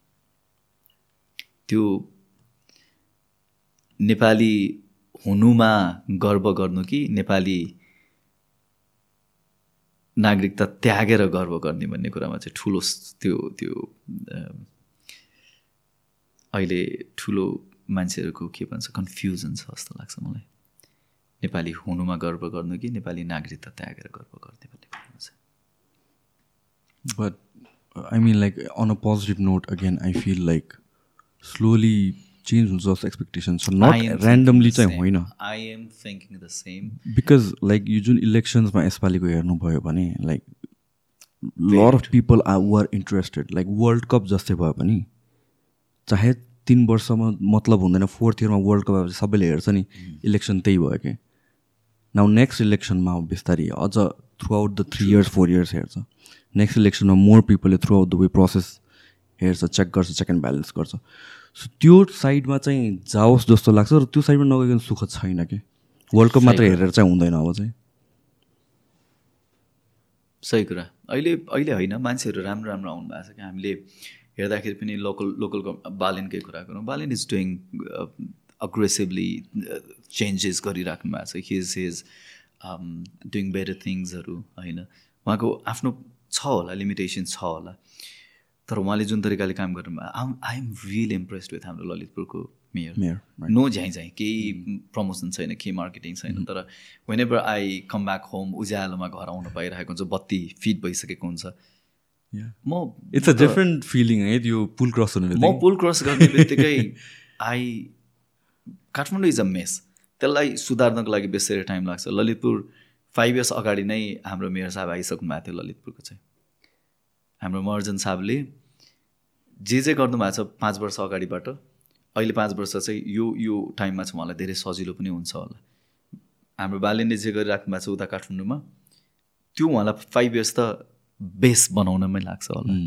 अर्को मेयर आउनुभयो भने अथवा बालेन नै मेयरमा बस्नुभयो भने चाहिँ उहाँलाई अर्को पाँच वर्ष चाहिँ सजिलो हुन्छ होला। तर यहाँ हाम्रोमा चाहिँ म आउँदाखेरि जब बाटो हेर्छु त्यो त्यो हरियो हेर्छु मलाई त्यो छुट्टै नै होला प्रब्लम्सहरू त टन्नै छ होला नि। अझै पनि सुधारहरू त टन्नै हुँदैछ तर राम्रो मान्छेहरू हुनुहुन्न भने होइन। सबै ठाउँहरूमा राम्रो मान्छेहरू आइसक्नु छ। म अस्ति ठाउँ ठाउँमा त्यही ट्राभल गर्दाखेरि पनि चेन्जेसहरू आइरहेको छ बाटो बनिरहेको छ इमिडिएटली भत्काइरहेको छ इमिडिएटली बनाइरहेको छ। त्यो एउटा लेभलमा चेन्ज भइसक्यो एउटा ठाउँमा चेन्ज भइसकेपछि धेरै ठाउँहरूमा चेन्जेसहरू भइरहेको छ। त्यसलाई इक्जाम्पलको रूपमा राख। चितवनमा डेभलपमेन्टहरू भइरहेको छ। धेरै राम्रो कसले गर्नुभएको छ के गर्नुभएको छ हामी कुरै गर्नु पर्दैन तर डेभलपमेन्ट भइरहेछ। काठमाडौँमा डेभलपमेन्ट भइरहेछ ललितपुरमा डेभलपमेन्ट भइरहेछ। बिस्तारै बिस्तारै करप्सनहरूको कुरा निस्किँदैको पोजिटिभ पोजिटिभ चिजहरू पनि भइरहेको छ करप्सनको कुराहरू एउटै निस्क्यो होला र कुनै प्रेसरले गर्दाखेरि निस्क्यो होला तर निस्किन त निस्क्यो होइन? निस्किन निस्किरहेको छ। डिसपोइन्टमेन्ट छ तर हामी त देश छोडेर जाने होइन। हामी देशमै बसौँ। पढ्न जानुहुन्छ आउनुहोस्। नेपालमा आउनुहोस्। त्यो स्किल्स लिएर आउनुहोस् एन्ड देन कम्पनीहरू खोल्नुहोस्। नेपालमा धेरैभन्दा धेरै स्टार्टअप्सहरू चाहिरहेछ म्यानुफ्याक्चरिङ कम्पनी हो चाहिएको भनेको। अस्ति म कति खुसी भएको थिएँ भने गोर्खाली टायर चाहिँ फेरि सुरु हुने रे भनेर चाहिँ त्यो न्युजमा आइरहेको छ होइन। अब गभर्मेन्टले चाहिँ हेटवटा गोरखकाली टायर। गोरखकाली टायर। हामीलाई चाहिन्छ। म्यानुफ्याक्चरिङ हाम्रो बेस हुनैपर्छ। पहिला जुन देशमा ग्याप जस्तो कम्पनीले आएर चाहिँ किन डिरेक्ट इन्भेस्टमेन्टहरू गर्थ्यो भने त्यो कन्ट्रीमा अहिले फरेन डिरेक्ट इन्भेस्टमेन्ट नै छैन एफडिआईहरू कम भइसकेको छ भने it's all because of urbanization भइरहेको छ तर जुन तरिकाले चाहिँ अर्गनाइज अर्गनाइजेसन हुनुपर्ने त्यो चाहिँ भएन। त्यो पनि भयो प्लस आई थिङ्क एउटा सेन्स अफ सिक्योरिटी पनि दिन सकेन इन्भेस्टर्सलाई जुन हिसाबले हाम्रो पोलिटिक्स इट्स सो अनस्टेबल नि त कसले आएर यो इकोनोमीमा इन्भेस्ट गरोस्? सही कुरा।